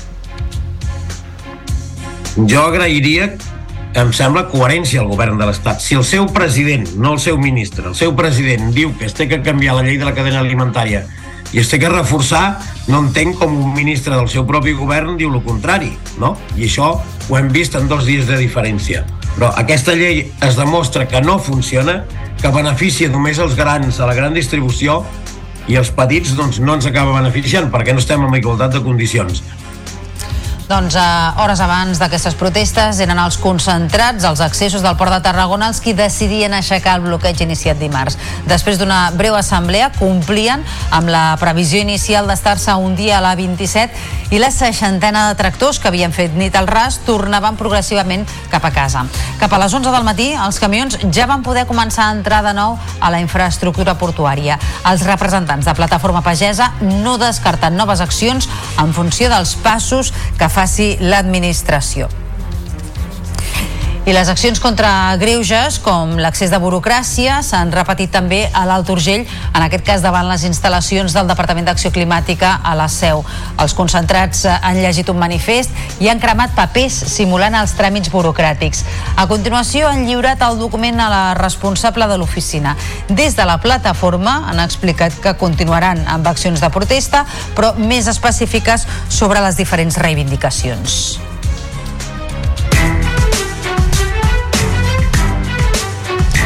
El debat al Comitè de Peticions del Parlament Europeu sobre l'informe de la missió referent a la immersió a l'escola catalana ha desencadenat una pica baralla entre els grups progressistes i conservadors. Amb acusacions de manca d'imparcialitat dels grups de la dreta, Junts i Esquerra Republicana han acusat el PP de fer servir el comitè per la seva campanya política particular.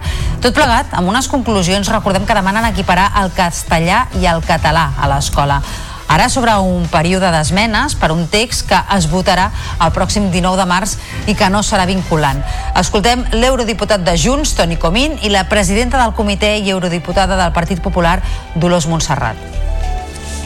La presidenta de esta comisión es que además de ser imparcial tendría que parecerlo. Además de ser imparcial tendría por una vez que aparentar imparcialidad. Ya le ha hecho usted bastante daño a la reputación de esta comisión. Sabe usted que esta misión fue boicoteada por una gran parte de los parlamentarios por cómo ustedes plantearon el programa de la misión. El proceso se ha hecho como siempre se ha hecho y por tanto hoy no se vota nada, sino que hoy um, la presidenta de la delegación de la misión de la misión um, tiene que presentar el report L'alcalde de Barcelona, Jaume Collboni, va anunciar ahir que torna a iniciar els tràmits per aprovar el pressupost municipal del 2024. Els comptes, que aquest dijous passaran per la Comissió de Govern, inclouen inversions per valor de 770 milions d'euros i un increment del 2% dels ingressos respecte als que es van presentar a l'octubre i que va retirar per manca de suports. Ens ho expliquen des de BTV. L'alcalde ho vol tornar a intentar. Dimarts que ve en una comissió extraordinària, Jaume Collboni portarà a votació el mateix pressupost que l'octubre va haver de retirar per falta de suports. Els números incorporen ara uns ingressos extras.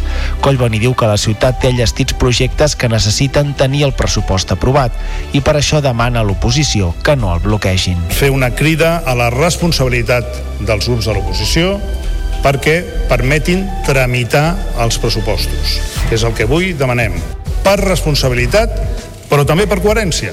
Tot i que fins ara ha anat lligat, l'alcalde no ha concretat si el pressupost coincidirà també amb un pacte de govern. Pas a pas, amb calma i amb tranquil·litat, deixem també que els grups expressin i en funció de les respostes doncs, eh, veurem quines, quins escenaris tenim. Collboni ha recordat que també hi haurà debat de pressupostos al Parlament i al Congrés. Nega que els comptes de Barcelona hi estiguin vinculats, però diu que el context pot ajudar a un acord. Avui està prevista la primera reunió entre el comitè d'empresa i la direcció de la planta que la multinacional Itachi té a Vacarisses, al Vallès Occidental. És una reunió per iniciar el període de consultes després que la companyia ha anunciat la seva intenció d'acomiadar 140 empleats de la planta vallesana. La corporació ha comunicat ja a la plantilla el registre d'un expedient de regulació d'ocupació per liquidar a més d'un quart dels seus efectius en la planta on actualment hi treballen 560 persones. Des dels sindicats acusen la direcció de mala gestió i d'una política de contractacions excessivament ambiciosa que ara paguen els empleats amb retallades. I el ministre d'Indústria, Jordi Areu, ha assegurat que el govern espanyol està treballant per posar solucions al tancament de la fàbrica de Danone a Parets. Això ho ha explicat en una visita al D-Factory de la zona franca, que és la primera que hi ha fet el centre com a ministre. Areu ha dit que treballa per buscar projectes industrials que puguin substituir l'actual activitat de la planta làctia. El ministre ha afirmat que estarà al costat dels treballadors i que estarà pendent de l'execució del pla social que ha d'oferir Danone a les persones que perdin el seu lloc de treball. També hi ha el anar seguint la recerca de projectes industrials que puguin substituir en aquest cas de None. Eh? I per tant, el que nosaltres eh, impulsem i estem eh, davant per justament que Danone pugui trobar eh, projectes industrials que puguin mantenir eh, o l'activitat o part de l'activitat a, a Parets.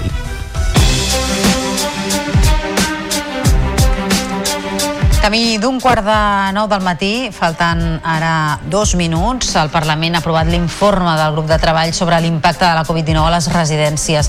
El text no assenyala cap responsable per la mort de 8.000 persones grans als geriàtrics durant la pandèmia, tot i que denuncia deficiències del sistema. I van votar a favor de l'informe el PSC, Esquerra Republicana i Junts, i en contra Vox, la CUP, en Comú Podem i Ciutadans per la mancança justament de responsabilitats polítiques derivades d'aquella crisi. Coincidint amb l'aprovació d'aquest document, la coordinadora de familiars de residències 5 més 1 es va manifestar davant la cambra exigint justícia per a les víctimes que van morir a conseqüència de la descoordinació entre els serveis socials i el sanitari. Maria José Carcelén és presidenta de la coordinadora de familiars 5 més 1. Aquí hay responsables de lo que pasó, aquí ha habido una mala gestión y aquí directamente ha habido negación sanitaria. Eh, y por lo tanto nosotros solo podemos decir que estamos absolutamente en contra de, esta, de este informe. Cada any es diagnostiquen entre 170 i 200 casos de càncer infantil a Catalunya. És una malaltia de la que avui es commemora el Dia Internacional que provoca un enorme trasbals als infants i a les famílies que s'hi enfronten.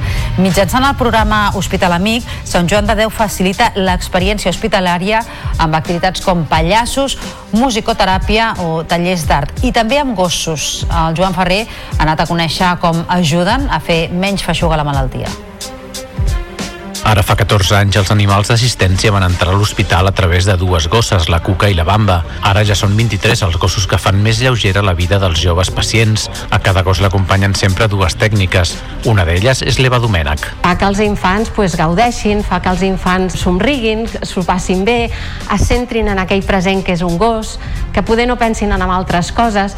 Um, tens la, també s'empoderen, se senten competents, se senten capaços, els hi puja l'autoestima, tenen control sobre aquell ser doncs, a l'hora de donar-los premis, a l'hora si, que faci això, faci l'altre, els fas créixer, se senten valents, se senten forts i gaudeixen, bàsicament. Un especialista Child Life, en aquest cas l'Helena Escoda, és qui s'ocupa que les condicions de vida dels infants a l'hospital siguin el millor possible i avalua en quin moment la presència dels gossos pot facilitar les coses. Els acompanyen a sales d'espera, durant els procediments, s'han de fer alguna analítica, s'han de fer alguna cosa i sobretot en el post també intentar recuperar aquests nens que pues, surten una mica més trasbalsats o els hi han fet una mica de mal o estan atordits per tantes proves. I que quedi clar. No són gossos de circ, no són gossos que només facin habilitats, són gossos que treballen al costat d'un tècnic formant una unitat que treballarà pues, per ser un facilitador, un distractor, un motivador. Els gossos segueixen un estricte protocol d'higiene i preparació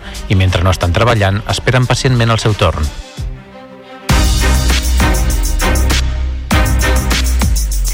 Els Mossos d'Esquadra investiguen la mort violenta d'un home a Callús, al Bages. El cadàver amb signes de violència el van localitzar en una zona boscosa a prop de la llera del riu Cardener. La víctima és un home de 28 anys, veí de Tarragona, i feia temps que estava desaparegut. La policia va poder localitzar el mòbil de la víctima i això els va portar al cos.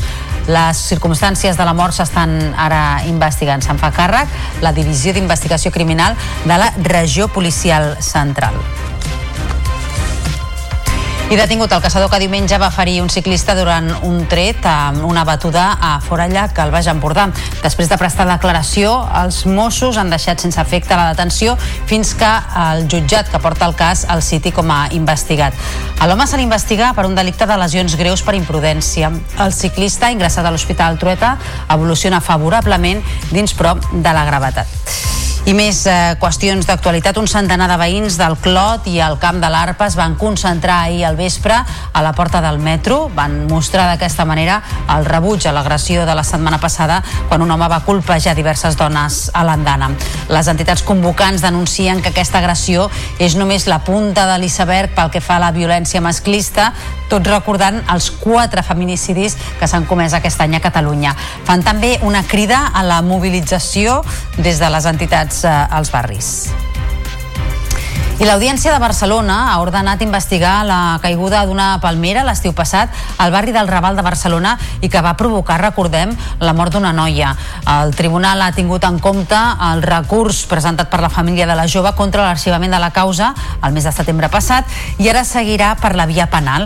Els advocats assenyalen que un veí del Raval ja va presentar una denúncia al març de l'any passat perquè la palmera estava molt inclinada i que corria el perill de caure. Per això consideren que pot existir una responsabilitat greu per part del consistori i reclamen que s'identifiqui el responsable territorial que es va encarregar de revisar l'arbre i que es prengui també declaració al responsable de Parcs i Jardins.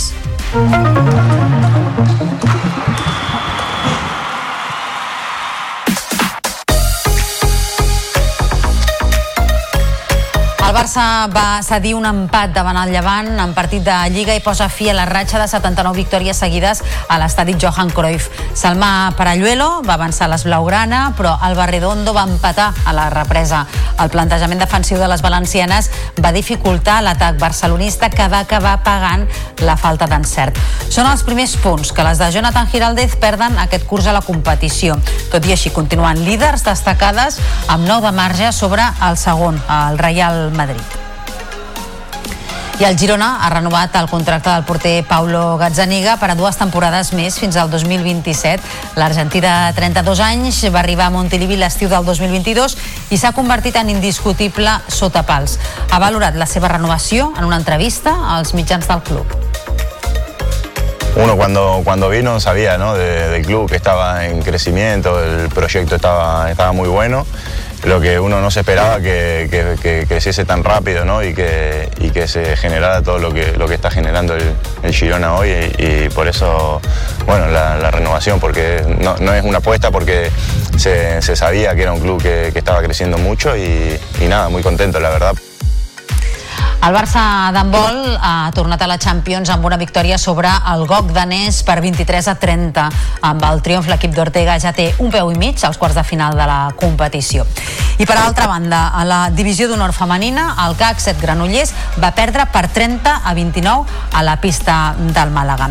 I en futbol sala, el Barça va caure derrotat per 4 a 2 davant un Vinya al Bali Valdepenyes molt superior. Un partit, això sí, que va significar la tornada del capità Sergio Lozano 10 mesos després de patir la tercera lesió greu al genoll dret. Lozano, però, no va poder impedir que el Valdepenyes s'acabés imposant als Blaugrana, que tornaven després d'un mes d'aturada per compromisos internacionals. Malgrat la derrota, es va mostrar satisfet per la tornada als terrenys de joc.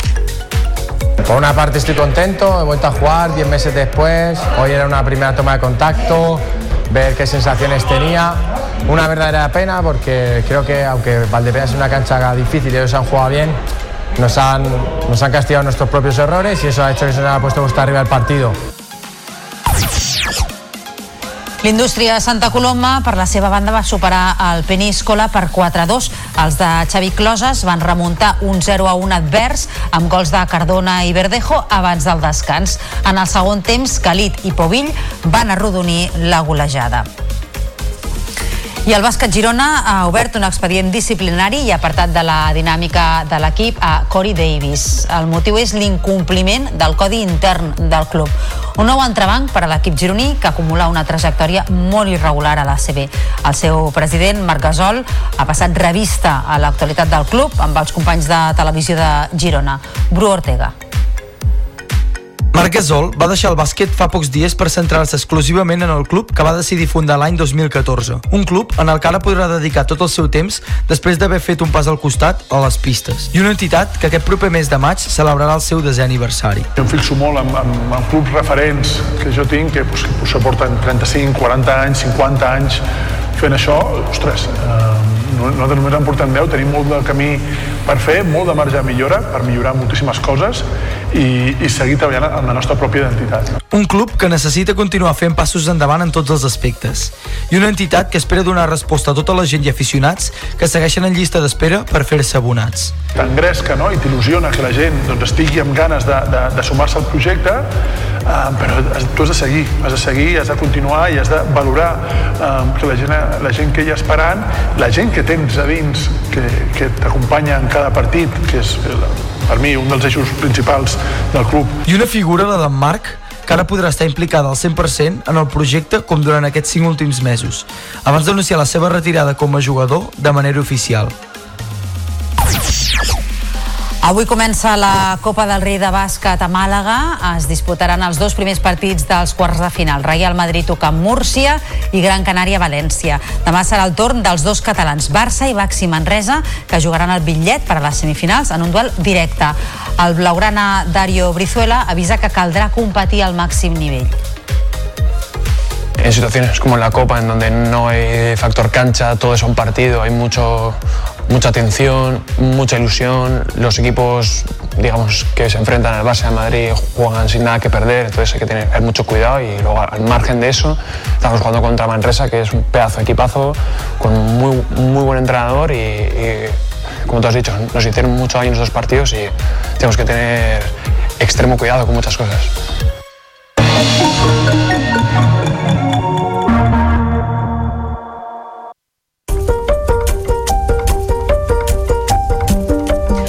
La mostra de cinema d'animació de Catalunya, l'Animà, que aixeca avui el taló a Lleida amb la diversitat com a lema. El festival arriba a la 28a edició i s'acabarà diumenge amb l'entrega del Premi a la Trajectòria per Roger Capdevila, la mare i la creadora, entre d'altres, de les Tres Bessones. Coneguem-ne els detalls amb l'Eva Cortijo de Lleida Televisió. Quatre dies plens d'animació per totes les edats i gustos amb el lema Diversity. L'Animac, el Festival de Cinema d'Animació de Catalunya, aixecarà el teló de forma oficial aquest dijous al vespre. Abans, però, han començat ja les sessions escolars i alguns dels tallers a escoles com la d'Art Municipal Leandre Cristòfol. Tot per celebrar el bon moment de l'animació catalana. Hem de celebrar que una pel·lícula com a Robot Dreams és una de les pel·lícules nominades als premis de l'Acadèmia de Hollywood, als Oscars. Tenim la sort de que vindrà a Lleida el director artístic d'aquesta pel·lícula. Enguany el premi honorífic és per Isabel Erguera i l'Animation Master pel britànic Barry Parps. L'Incubator, el punt de trobada per als creadors i els professionals de l'animació i l'Anima Crea, l'espai obert a tothom amb la col·laboració d'escoles i universitats, són algunes de les activitats paral·leles que es duran a terme durant els quatre dies. La setena edició del Dansa Metropolitana portarà al Vall Urbà i les formacions internacionals a 12 municipis de l'àrea de Barcelona. David Navarro. La dansa de carrer guanya importància a una edició que sota el lema del carrer a l'escenari posa en marxa el projecte Artèries, que trasllada el món coreogràfic d'un reconegut creador a escoles de dansa de les ciutats a través de coreògrafs locals. Alhora, com ha explicat la coordinadora artística del festival, Giuliana Poltronieri, que s'equilibra l'oferta d'espectacles entre tots els municipis. trencar la centralitat de Barcelona com a espai que recull tots els espectacles internacionals i repartir-los pels 12 municipis sense mai oblidar la importància de tots els que són els nostres coreògrafs locals. Entre els més de 100 espectacles que es podran veure destaquen companyies internacionals com l'australiana Sydney Dance Company, els colombians Sankofa Danzafro o el coreògraf francès Rashid Ouramdane i grups de l'estat com Maria Pajés o el Colectivo Milímetro. Tot plegat a Barcelona, Badalona, el Prat, Cornellà, Esplugues, Granollers, l'Hospitalet, Sabadell, Sant Cugat, Santa Coloma, Terrassa i Viladecans. Ja coneixem les nominacions als Premis Enderroc 2024 per votació popular i les encapçalen Detallets i Muixca amb 5 i 4 nominacions respectivament. Joan Dausà, Sílvia Pérez Cruz i Stay Homes també competiran per algunes de les categories en una gala que es farà el proper 14 de març a Girona.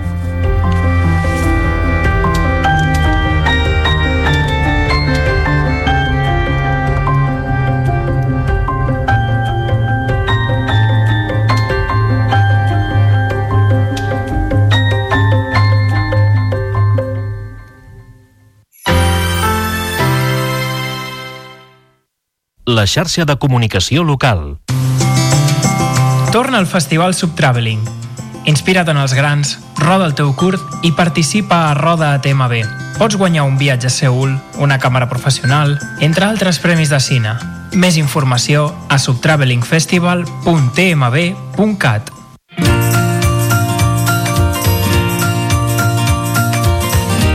Gent del Som Terra. Soc Marta Pros, sòcia de Germans Pros Mokiwi, empresa que es dedica a la producció i venda exclusiva de kiwi, de la varietat Highward. Som una empresa familiar que va néixer l'any 2005. Ricard Pros Vilaplana, que és el meu pare, en fou el soci fundador, juntament amb tres dels seus cinc fills, els quals avui dia continuen treballant i lluitant per aquest projecte en memòria seva.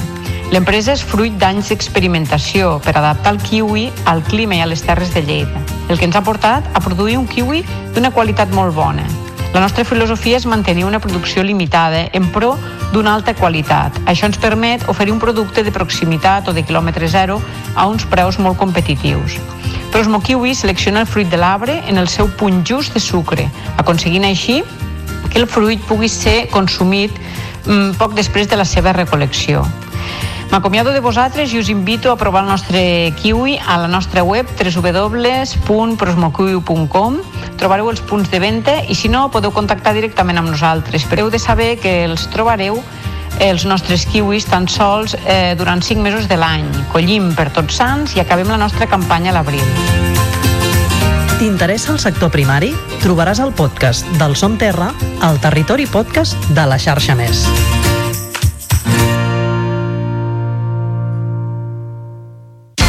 Xarxa de comunicació local.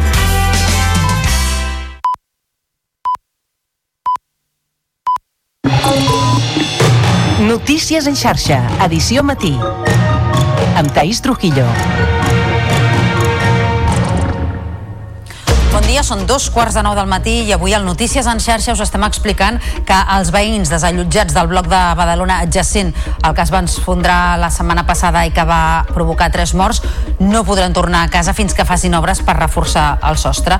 Són uns treballs que hauran de pagar els propietaris.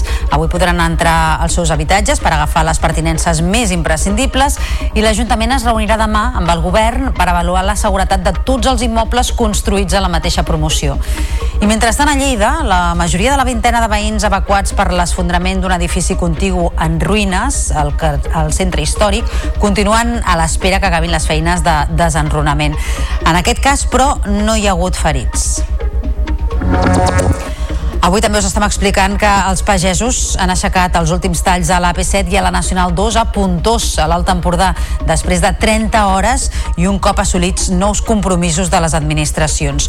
En espera d'una reunió avui de les principals organitzacions agràries amb el Ministeri a Madrid, el govern ha garantit indemnitzacions del 80% en pèrdues per la restricció d'aigua i també la reobertura d'oficines comarcals per agilitar els tràmits burocràtics.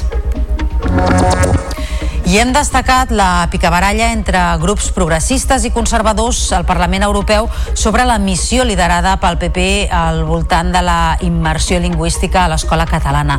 Junts i Esquerra han acusat els populars de falta d'imparcialitat i d'usar el comitè per fer campanya. El text que advoca per equiparar castellà i català a les aules es votarà el 19 de març i no és vinculant. Sobre aquest sistema d'immersió en parlarem d'aquí a uns minuts amb Avalí Flors, que és professor de Sociolingüística de la Universitat de Barcelona.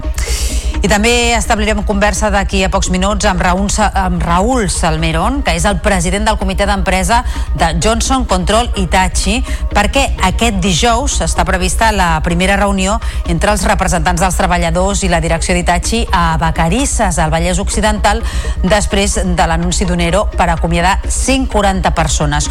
Són una quarta part dels 560 treballadors actuals.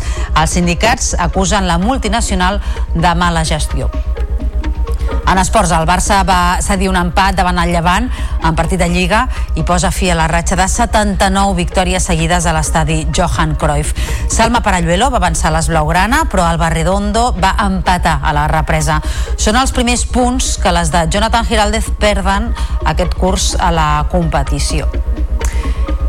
I en cultura, la mostra de cinema d'animació de Catalunya, l'Animac, aixeca avui el taló a Lleida amb la diversitat com a lema.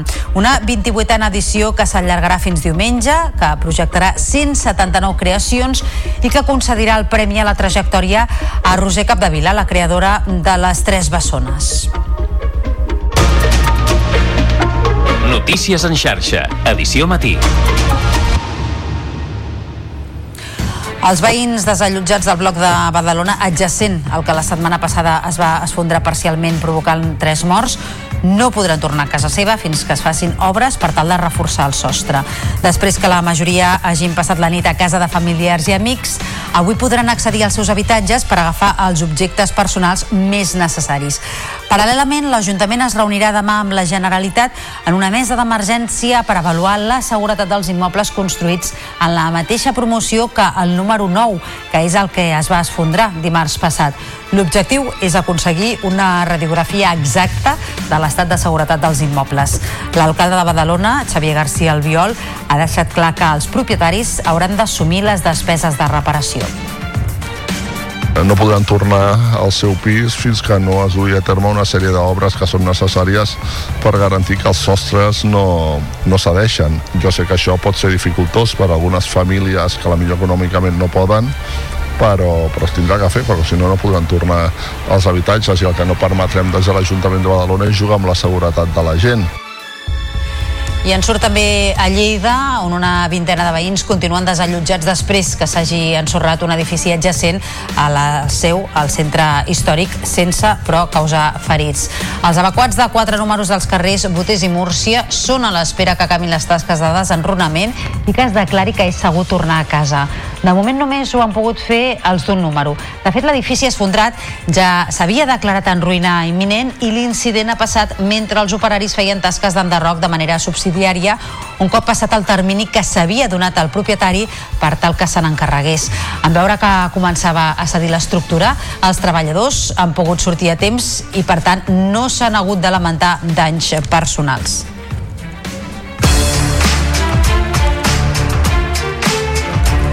Lleugera treva en les protestes dels pagesos després de jornades intenses de mobilitzacions i avui també pendents de la reunió que mantindrà a Madrid el ministre d'Agricultura amb les principals organitzacions agràries. Els agricultors i ramaders concentrats a l'AP7 i a la Nacional 2 a Puntós, a l'Alt Empordà, han aixecat el tall després de 30 hores un cop assolits compromisos tant per part de la Generalitat com de l'Estat. D'una banda, els han garantit indemnitzacions del 80% de les pèrdues per restriccions d'aigua i també un pla de xoc sobre la sequera per a la ramaderia. I de l'altra, han obtingut garanties que es recuperaran les oficines comarcals per simplificar tràmits. Pel coordinador nacional d'Unió de Pagesos, Joan Cavall, sumar compromisos sempre és interessant. Ara bé, en declaracions fa uns minuts, el Notícies en xarxa ha demanat més ambició al mateix sector primari i a la classe política i també al govern de la Generalitat més exigència a Madrid i sobretot coherència. I posava com a exemple la modificació del pla de sequera. El govern estava disposat a modificar el pla de sequera perquè no està adaptat a les realitats de les necessitats que hi ha ara pel sector agrari. Per tant, una cosa és quines són les propostes en quant a dir-ho i l'altre com fem que aquestes propostes siguin una realitat i això cal una modificació normativa i llavors demanarem al conjunt de forces polítiques si un dia doncs, diuen una cosa doncs, que l'altra quan es modifiqui una norma doncs, també digui la mateixa que això hi ha vegades que, doncs, que veiem que hi ha, que hi ha contradiccions no? L'empresa d'aire condicionat Itachi es reuneix avui amb el comitè d'empresa de la planta de Vacarisses, al Vallès Occidental, i per parlar del pla que ha anunciat la companyia per tal d'acomiadar 140 dels 560 treballadors d'aquesta fàbrica.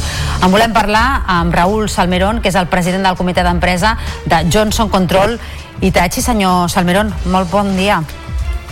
Hola, bon dia, Thais. D'aquí a molt pocs minuts eh, els treballadors tenen previst fer una, una assemblea. Com estan els ànims i què és el que han de parlar en aquesta assemblea prèvia a una trobada amb la direcció de l'empresa?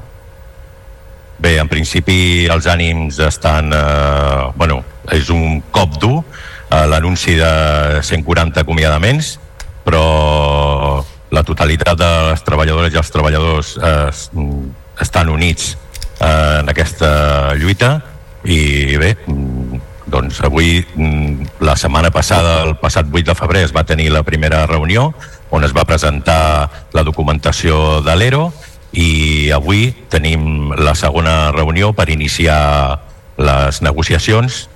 I bé, mm, veurem a veure quina és eh, la intenció de l'empresa. De moment la intenció és acomiadar 140 treballadors, però nosaltres apostem per eh, mantenir l'ocupació eh, doncs, eh, fent propostes i posant sobre la taula alternatives perquè aquest ERO finalment eh, no es dugui a terme. Mm. Deia que és un cop dur, ho és perquè és inesperat? Res feia pensar que aquesta empresa acomiadaria a un volum tan important de treballadors de la seva planta de Vacarisses? Els ha agafat per, per sorpresa? Eh, doncs sí, ens ha agafat per sorpresa perquè hi havien eh, promeses d'un eh, bon futur. Eh, nosaltres eh, fabriquem eh, bombes de calor per calefacció i aigua sanitària i el gener s'havia d'aprovar una directiva europea d'impuls a la instal·lació d'aquests sistemes de calefacció, eh, però finalment eh, aquesta directiva no s'ha aprovat, eh, que ha provocat eh, que les eh, vendes hagin caigut. De fet, eh, portem pràcticament un any de caiguda de vendes en la que la plantilla ha col·laborat amb l'empresa vam fer una borsa d'hores i també vam estar quasi bé a finals d'any, quasi bé quatre mesos en un ERTO. I tenint en compte que, que vostès eh, també confirmen eh, que hi ha hagut aquesta caiguda de vendes, quines són les propostes o les alternatives a acomiadar part de la plantilla que vostès proposaran a la direcció? Bé, eh, en principi el, el procés acaba de començar, estem eh, analitzant des de els sindicats que formen part del comitè d'empresa tota la documentació aportada eh, i encara no tenim eh, propostes o mesures concretes, però estarem treballant en aquesta línia. Doncs eh, en seguirem parlant, qualsevol novetat ens la fan saber. Raül Salmerón, president del comitè d'empresa de Johnson Control Itachi, moltíssimes gràcies per haver-nos atès aquest matí al Notícies en xarxa. Molt bon dia. Molta, moltes gràcies a tu, Tais. Adéu. Adéu. Notícies en xarxa. Informació al detall.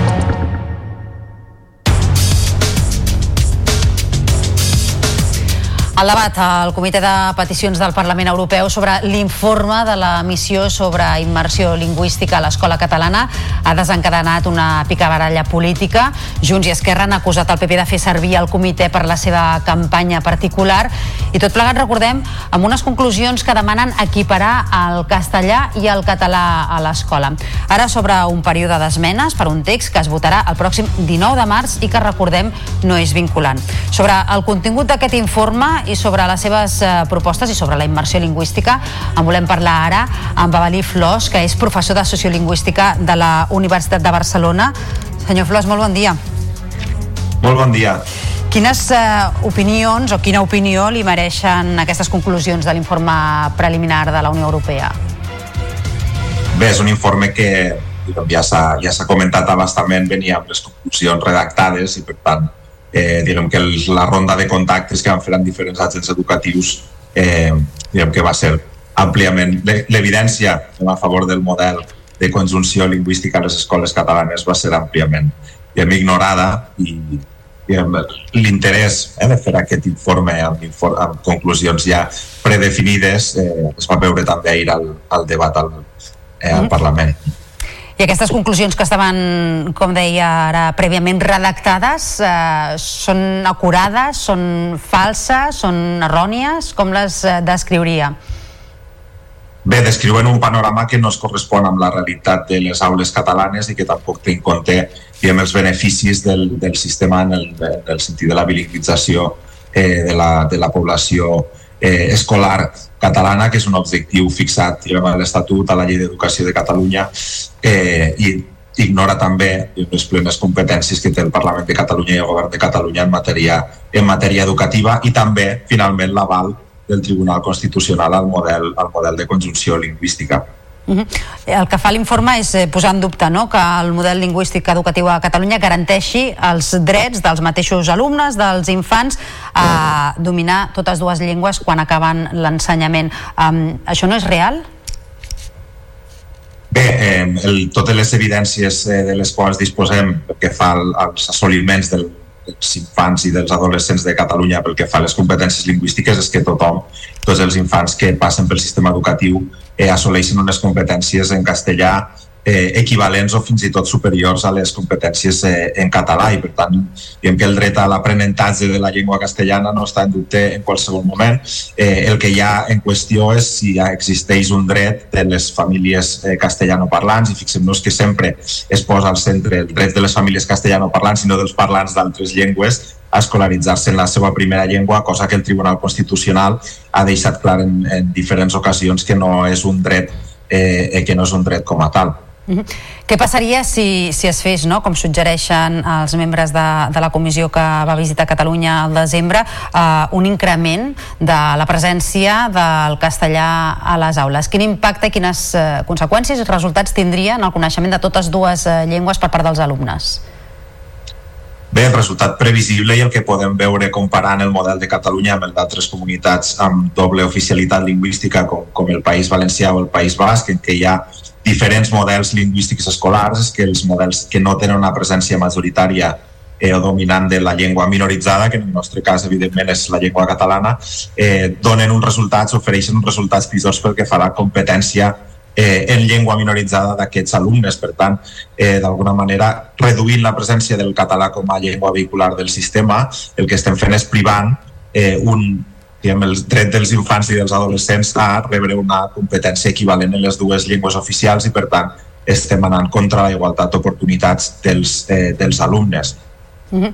Perquè del que es tracta, eh, i aquest model és el que defensa, és de protegir la llengua, que en aquest cas és la, és la minoritzada. Això no ho tenen en compte Bé. els que han redactat el document. Exacte, diguem que ja eh, el model lingüístic educatiu eh, de Catalunya pretén eh, diguem, compensar la desigualtat real existent entre el català i el castellà en el conjunt de la societat. I d'acord en la evidència acumulada per eh, la recerca en educació plurilingüe arreu del món, eh, el que és evident és que els models que potencien la presència de les llengües minoritzades dins del sistema educatiu són els que ofereixen uns resultats millors quan a, quan a competència lingüística. Eh? Els problemes del model lingüístic educatiu ara mateix eh, estan molt més relacionats amb la judicialització i la conflictivització del model des de l'àmbit eh, judicial i amb la eh, eh amb el relaxament eh, de la posició del català com a llengua central del sistema que no amb una pretesa exclusió de la llengua castellana de, del sistema educatiu, perquè sabem que les aules catalanes no són espais en absolut monolingües. Uh -huh. Avali Flors, professor de Sociolingüística de la Universitat de Barcelona, gràcies per atendre'ns aquest matí al Notícies en xarxa. Molt bon dia, fins a la propera. Molt bon dia, moltes gràcies. Notícies en xarxa. Tot el que cal saber quan comença un nou dia.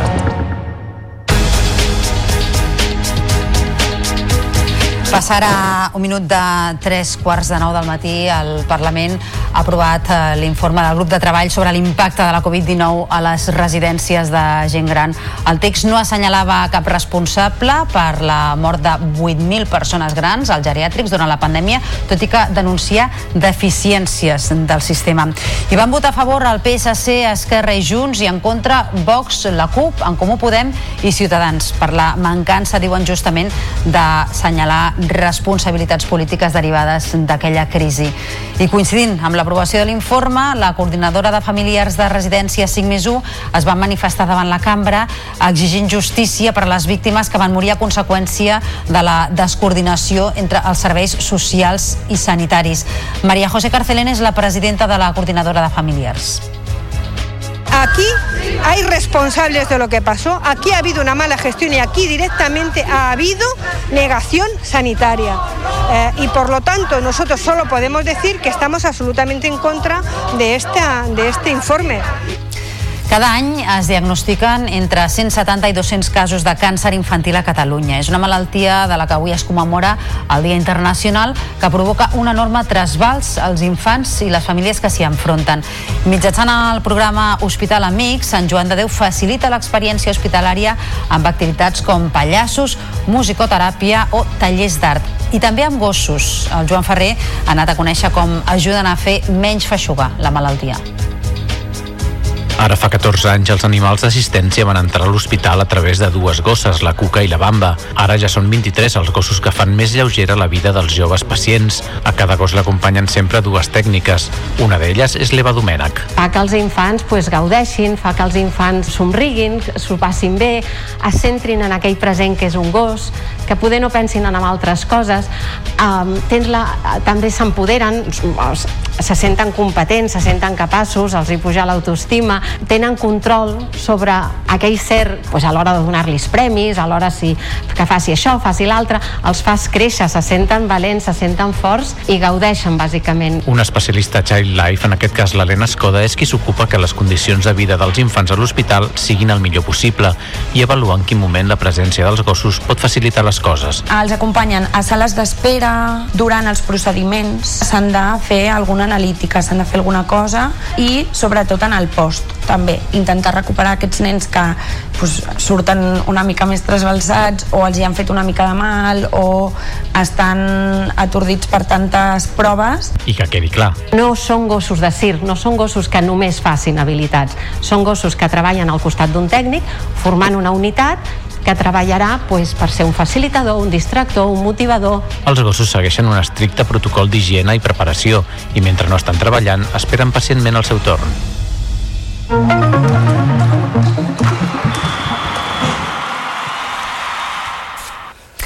10 minuts perquè siguin ara a les 9 eh, del matí. Repassem tota l'actualitat esportiva. Cristina, molt bon dia. El Barça ha posat eh, fi a la ratxa de victòries al Johan Cruyff. Sí, eh, sempre havia guanyat tots els partits fins ara, fa més de 4 anys que juga en aquest estadi i sempre hi havia guanyat tots els punts, però fins ara ahir eh, l'equip laurana hi va cedir els primers punts. Va ser un empat contra el Llevant en partit de Lliga. L'encarregada d'obrir el marcador va ser Salma Paralluelo, que va avançar les blaugranes però Alba Redondo va empatar a la represa. El plantejament defensiu de les valencianes va dificultar l'atac barcelonista que va acabar pagant la falta d'encert. Són els primers punts, com dèiem, que les de Jonathan Giraldez perden aquest curs a la competició, tot i així continuen líders destacades amb 9 de marge sobre el segon, que és el Real Madrid. El Barça d'handbol ha tornat a la Champions amb una victòria sobre el GOC danès per 23 a 30. Amb el triomf l'equip d'Ortega ja té pràcticament assegurat l'accés als quarts de final de la competició. D'altra banda, la divisió d'honor femenina, el CAC 7 Granollers, va perdre per 30-29 a la pista del Màlaga. I en futbol sala, el Barça va caure derrotat per 4-2 davant un Valdepenyes molt superior. Un partit, això sí que en clau positiva per als blaugranes va significar la tornada del capità Sergio Lozano, 10 mesos mesos després de patir la tercera lesió greu al genoll dret. Lozano, però, no va poder impedir que el Valdepenya s'acabés imposant. La competició reprenia després d'un mes d'aturada per compromisos internacionals. Malgrat la derrota, Lozano es va mostrar satisfet per la tornada als terrenys de joc. Por una parte estoy contento, he vuelto a jugar 10 meses después, hoy era una primera toma de contacto, ver qué sensaciones tenía. Una verdadera pena porque creo que aunque Valdepeñas es una cancha difícil y ellos han jugado bien, nos han, nos han castigado nuestros propios errores y eso ha hecho que se nos haya puesto costa arriba el partido. L'indústria Santa Coloma per la seva banda va superar el Peníscola per 4 a 2. Els de Xavi Closes van remuntar un 0 a 1 advers amb gols de Cardona i Verdejo abans del descans. En el segon temps, Calit i Povill van arrodonir la golejada. El bàsquet Girona ha obert un expedient disciplinari i apartat de la dinàmica de l'equip Cory Davis. El motiu és l'incompliment del codi intern del club, un nou entrebanc per a l'equip gironí que acumula una trajectòria molt irregular a l'ACB. El seu president Marc Gasol ha passat revista a l'actualitat del club amb els companys de televisió de Girona. Ens ho explica Bru Ortega.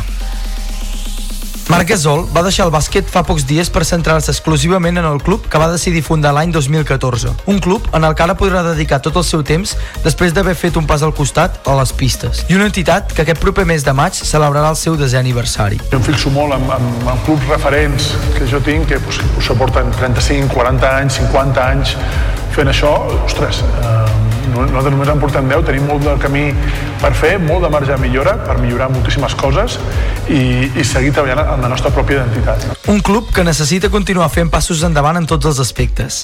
I una entitat que espera donar resposta a tota la gent i aficionats que segueixen en llista d'espera per fer-se abonats. T'engresca no? i t'il·lusiona que la gent doncs, estigui amb ganes de, de, de sumar-se al projecte, eh, però tu has de seguir, has de seguir, has de continuar i has de valorar eh, que la gent, la gent que hi ha esperant, la gent que tens a dins, que, que t'acompanya en cada partit, que és per mi un dels eixos principals del club. I una figura, la d'en Marc, que ara podrà estar implicada al 100% en el projecte com durant aquests 5 últims mesos, abans d'anunciar la seva retirada com a jugador de manera oficial.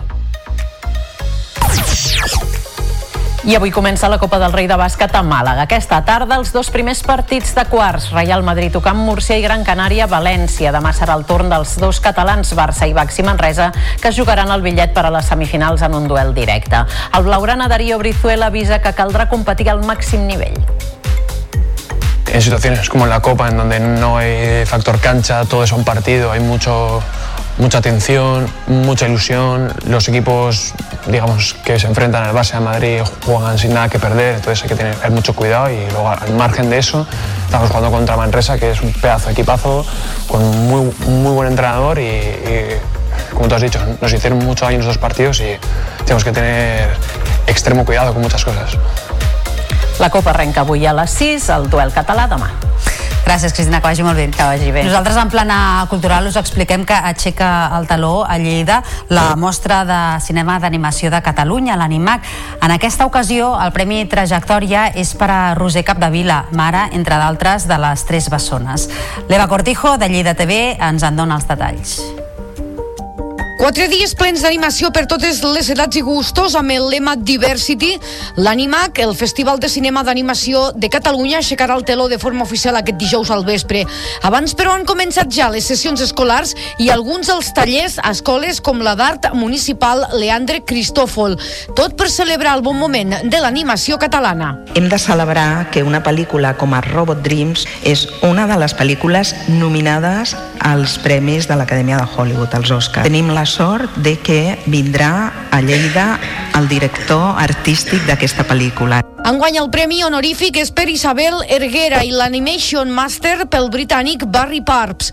L'Incubator, el punt de trobada per als creadors i els professionals de l'animació i l'Anima Crea, l'espai obert a tothom amb la col·laboració d'escoles i universitats, són algunes de les activitats paral·leles que es duran a terme durant els quatre dies. I ja coneixem les nominacions als Premis Enderroc 2024 per votació popular i les encapçalen Detallets i Muixca amb 5 i 4 nominacions respectivament. Joan Dausà, Sílvia Pérez Cruz i Estei Homes són altres dels noms que opten a premi en una gala que es farà el proper 14 de març a Girona i cares eh, llargues i llàgrimes desconsolades per a milers de veïns que han dit adeu a una setmana de bogeria i accessos a Sitges. S'acaba el Carnestoltes i la capella ardent del Big Mac Sigalupi ha obert portes al Casino Prado d'on ha sortit la comitiva fúnebre. Les despulles del Carnestoltes han estat traslladades fins a la platja de la Fragata. Allà sa majestat ha llegit el testament i ha volgut compartir amb els sitgetans un últim conjur. Un espectacle de guspires l'ha fet desaparèixer de l'escenari escapolint-se així de ser calcinat a la foguera. I a Vilanova i la Geltrú la ciutadania ha pogut visitar des de mitja tarda la casa mortuòria ubicada al Teatre Principal per dir l'última adeu a sa majestat. Després l'han traslladat fins a la plaça de la Vila per llegir el seu testament i ser incinerat. Amb el carnaval oficialment acabat, qui ha agafat el protagonisme ara és la vella Quaresma. Comencen set setmanes d'abstinència, penediment i de junt fins a diumenge de Pasqua. Doncs així acabem, tornem demà. Bon dijous.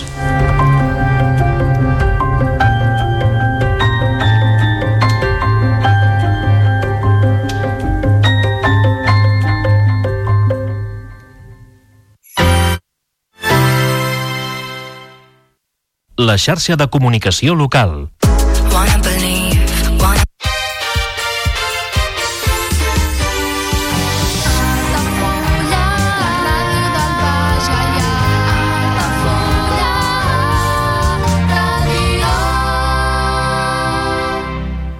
Ja coneixes les propostes que t'ofereix el Club Marítim Altafulla?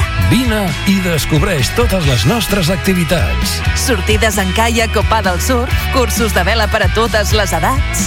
No t'ho perdis. Club Marítim Altafulla. Obert tot l'any i per a tothom. Comunions 2024. Dates ja disponibles amb sales privades, jardí, pàrquing privat i la millor gastronomia. Més informació i reserves al 977 65 11 55 i a comercial arroba altafullamarotel.com o al web altafullamarotel.com. Les teves celebracions familiars a l'Altafulla Mar Hotel.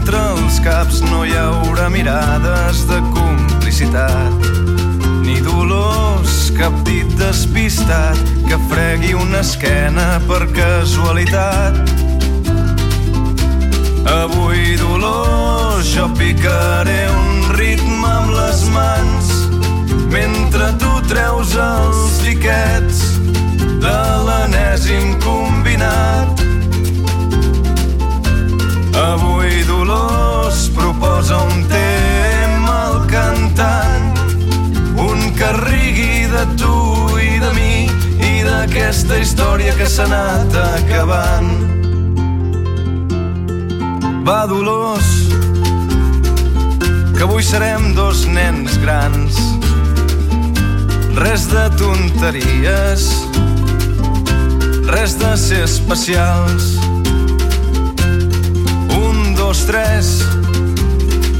Un, dos, tres, xa, xa, xa. Te lo punta, te lo punta. I torna a començar. I Dolors ningú esperarà.